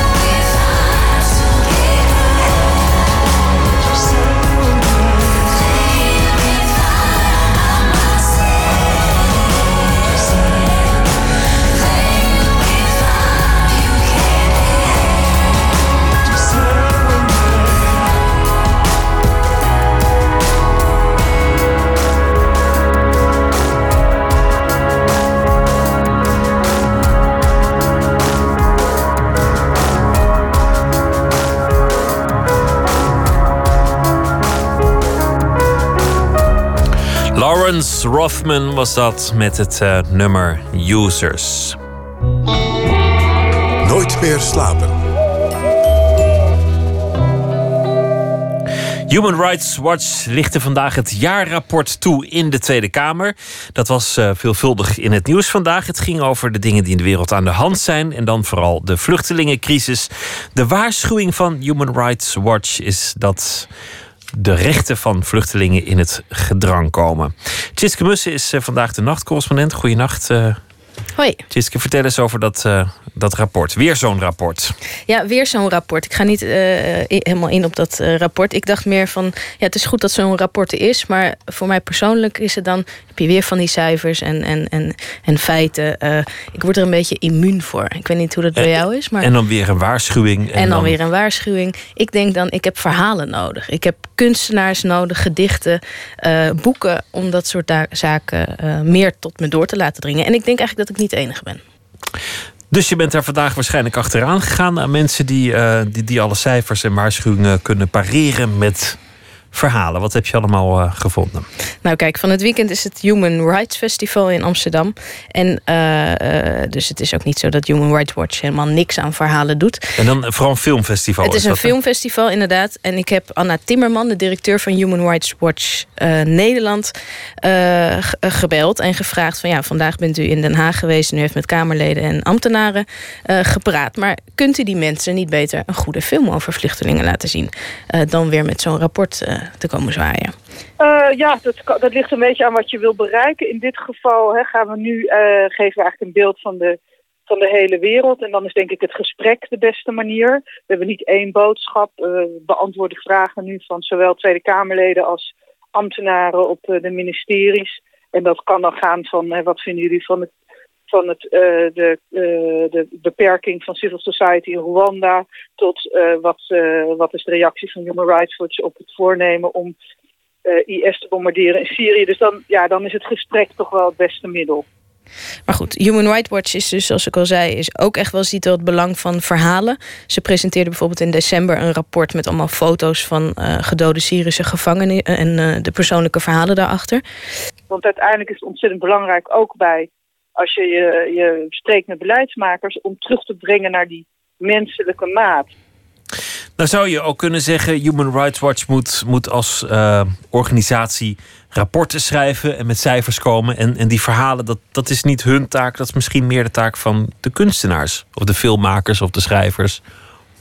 Ja, ik denk zeker dat dat, uh, dat, dat uh, het geval is. Ik denk ook dat, uh, dat dat deels ook bijvoorbeeld het succes verklaart van een boek als um, Hoe ik talent voor het leven kreeg van Rodan Al-Ghalidi, die een tijd in het AZC doorbracht en daar dus een boek over schreef. En dat boek is deze week een bestseller geworden. Ik denk dat mensen daar ook naar verlangen om die verhalen te horen. Daar, ja, Hij was hier laatste gast. Precies. Hij vertelde over dat boek. Ja, werd van de week ook dat boek werd in het boekenpanel van De Wereld Draait Door tot het boek van de maand, ge, maand ge, nou dan, uh, dan gaat het goed met de verkoop. Is belangrijk, denk ik ook. En ik had toevallig vorige week uh, was ik bij de première van een toneelstuk. Dit zijn de namen van NT Gent, gebaseerd op mijn boek van uh, Tommy Wieringa. En die sprak ik ook even, Tommy Wieringa. En dat boek gaat ook over een groep vluchtelingen die barre, een barre tocht maakt en uiteindelijk aankomt in een stadje. En het boek is weliswaar geschreven voor de vluchtelingencrisis. Maar daarin krijgen die vluchtelingen wel echt een gezicht. En uh, het grappige was dat hij vertelde... ja, voordat die vluchtelingencrisis uitbrak... ging het gesprek over dat boek vaak over de literaire kwaliteit. Maar tegenwoordig word ik veel vaker uitgenodigd... om ook mee te doen aan debatten. Om dingen te zeggen over, vluchtelingen, over de, de vluchtelingenproblematiek. En um, dus ik vroeg hem of hij het ook echt als een taak zag... van schrijvers en kunstenaars om zich te mengen in dat vluchtelingendebat. Nee, ik heb geen taak, maar ik heb nu wel een, een, een functie. Um, dit, dit, dit boek heeft. Uh, dat, ik, ik geniet er wel erg sterk van, moet ik zeggen. Ik vind het leuk om erover na te denken en erover te praten. Al dus Tommy Wierenga. Geen taak, wel een functie. Ilja Vijver was hier vannacht uh, te gast. Dichter en schrijver en winnaar gisteren van de VSB Poëzieprijs. En die was daar wat uitgesprokener in en was ook van, mening veranderd. Hij vond ineens dat hij wel een, een taak had, terwijl hij dat vroeger juist niet vond. Er zijn te veel woorden. En je hoeft maar een samenvatting te zien van een of andere inspraakbijeenkomst uh, over een asielzoekerscentrum dat gevestigd wordt uh, op Nederlandse bodem. En er zijn te veel woorden en te veel verkeerde woorden en foute woorden en lelijke woorden en afgesleten woorden en woorden die kwetsen en niks meer betekenen en domme woorden. En uh, misschien moet je dan als dichter concluderen dat je als vakman de plicht hebt om daar iets tegenover te stellen. Zijn, maar, zijn werk, dat zijn de woorden. En hij heeft dus de, de plicht, als dat je beroep is, om er iets tegenover te stellen. En de woorden weer, weer lading te geven. Je had het over de film, want het ging eigenlijk over een filmfestival. Hoe, hoe zit het daarmee? Uh, nou ja, ik vroeg me dus af hoe zit het eigenlijk met filmmakers in Nederland. Uh, ja, literatuur is mijn, uh, mijn, mijn. Daar ben ik het meest in thuis. Dus, dus, van die schrijvers weet ik het wel zo'n beetje. Maar van die filmmakers. Ik heb een beetje rondgebeld en ik belde met Morgan Knibbe. En die heeft vorig jaar de documentaire Those Will Feel the Fire Burning gemaakt. Over een groepje vluchtelingen dat met een bootje de zee oversteekt naar Zuid-Europa. En die film die werd vorig jaar zelfs genomineerd voor een Oscar. Was, uh, hij was genomineerd voor de beste buitenlandse documentaire. En laten we even luisteren naar wat hij zegt over zijn drijfveren. Morgan Knibbe. Heel veel mensen uh, denken en, en, en reageren vanuit angst. En, uh, en ik wilde er juist, ik wilde juist een beeld laten zien wat die angst weg zou nemen. En wat, wat de vluchteling als een mens zoals jij en ik in beeld zou brengen. In plaats van als een indringer of als een cijfer. Ik denk dat uh, heel veel mensen heel veel moeite hebben om werkelijk zich in te leven in de situatie van deze mensen. In die film zie je allereerst de overtocht. Dat, dat is niet werkelijk gefilmd, maar nagemaakt, maar wel heel realistisch. Je, je ziet een bootje, je ziet de golven en, en de verdrinkingsangst. En daarna zie je eigenlijk ook de, ja, de uitzichtloosheid van dat rondhangen en eindeloos in de rij staan. En de geruchtenstroom en proberen naar huis te bellen. En dat rondhangen in Griekenland en proberen aan, aan eten te komen. Het is een film die, die wel bijblijft. Is die ook te zien op het festival? Nee, helaas niet. Wel een andere film over vluchtelingen, bootvluchtelingen. Maar de film staat nog op uitzending gemist. Dus uh, een aanrader. Zeker een, uh, een aanrader. Wat is er wel te zien? Welke films zou je kunnen aanraden die te zien zijn op het uh, filmfestival, het Human Rights Filmfestival? Nou, de openingsfilm is The Diplomat over de Amerikaanse ambassadeur Richard Holbrooke. Uh, en die film is gemaakt door zijn zoon. Dat is wel bijzonder, want hij heeft daardoor ook... Uh, ja, die kan echt een bijzonder kijkje achter de schermen geven... van diplomatieke uh, onderhandelingen. Holbrooke was de, de topdiplomaat die onder meer de Joegoslavische burgeroorlog... Ja, precies. zo'n beetje heeft beëindigd. Of in ieder geval een, een oplossing bedacht... die voor iedereen aanvaardbaar was. Ja, en juist die onderhandeling die komt ook aan bod in die film. helaas draait hij alleen morgenavond en is die al uitverkocht. Um, nou, dus dat is een beetje op. een ja. um, maar een film die nog niet uitverkocht is en volgens de directeur van Human Rights Watch, dus Anne Timmerman, wel heel mooi is, is I Am Sun Moo over een Noord-Koreaanse kunstenaar die uh, vertelt over zijn persoonlijke geschiedenis en zijn vlucht. Hij is gevlucht naar Zuid-Korea. En uh, nou ja, die kunstenaar die riskeert zijn leven en hij mag niet in beeld. En dat schijnt de documentairemaker heel mooi te hebben aangepakt. Het Human Rights Filmfestival het hele weekend in uh, Amsterdam in de Bali. Tjitske Mussen, dankjewel. Goeienacht. Goeienacht. De Schotse zangeres Isabel Campbell en de Amerikaanse grunge-zanger Mark Lanigan maakten samen een paar platen. Doet een beetje denken aan de muziek van Nancy Sinatra en Lee Hazelwood uit de jaren 60. Mooi tweestemmig en met uh, mooie strijkarrangementen. Come on over, turn me on.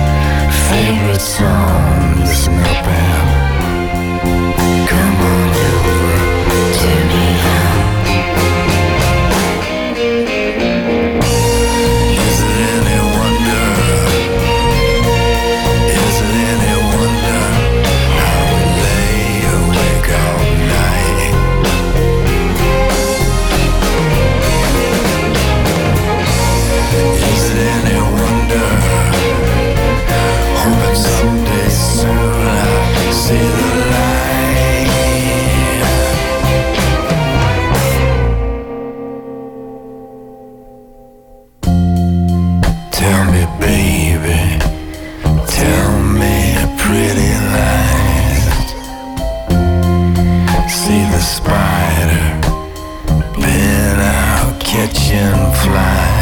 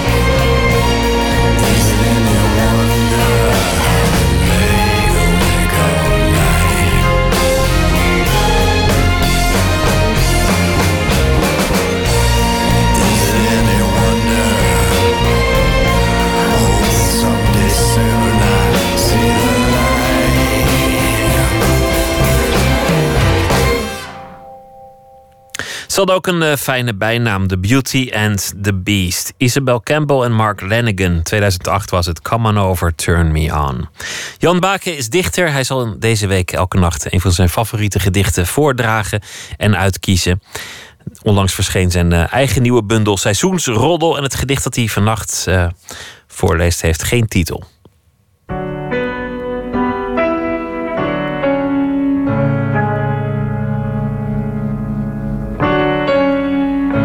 Een gedicht van de Nederlandse dichter Erik Lindner. Een dichter die, eh, naar mijn mening, als een van de weinige dichters in staat is om heel beschrijvend beelden neer te zetten zonder dat daar meteen een interpretatie in schuil gaat. Terwijl als je de gedichten leest ook weet dat er enorm veel uit te interpreteren valt en een enorme lading in zit die eh ogenschijnlijk verborgen blijft. Beelden is, vind ik, kenmerkend bij zijn werk, zoals ik zeg. Maar hij heeft één gedicht geschreven in zijn laatst verschenen bundel, Ascedia. Waarin hij juist probeert om beweging van de wind te vangen. Daar gaat dit gedicht over. Tot een wiek van de molen losdraait.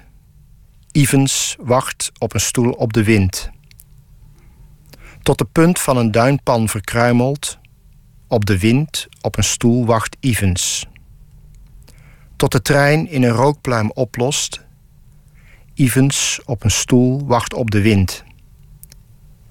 Tot het stof zijn ogen doet tranen. Wacht op een stoel, op de wind, Ivens. Tot het zweet op zijn kin opdroogt. Op een stoel wacht Ivens op de wind. Tot de baarden van kamelen wapperen. Tot korrels als vlooien op de vlucht slaan tot een slinger in een vliegertouw vastraakt, tot zijn wandelstok als golfclub omverslaat, tot het zand borrelt als schuim in de branding, tot het deksel van zijn koffer opengaat. Op een stoel op de bergtop wijst Ivens. Daar slaapt de wind in een hol in de woestijn. Jan Baken leest morgen weer een eh, gedicht. Morgen zit hier Esther Noem Perkin in gesprek met Hani Abu Assad, Nederlands-Palestijns filmregisseur. Ik wens u een uh, goede nacht. Morgen een leuke dag. Hoop dat u dan weer luistert. Voor nu een goede nacht. Op Radio 1, het nieuws van alle kanten.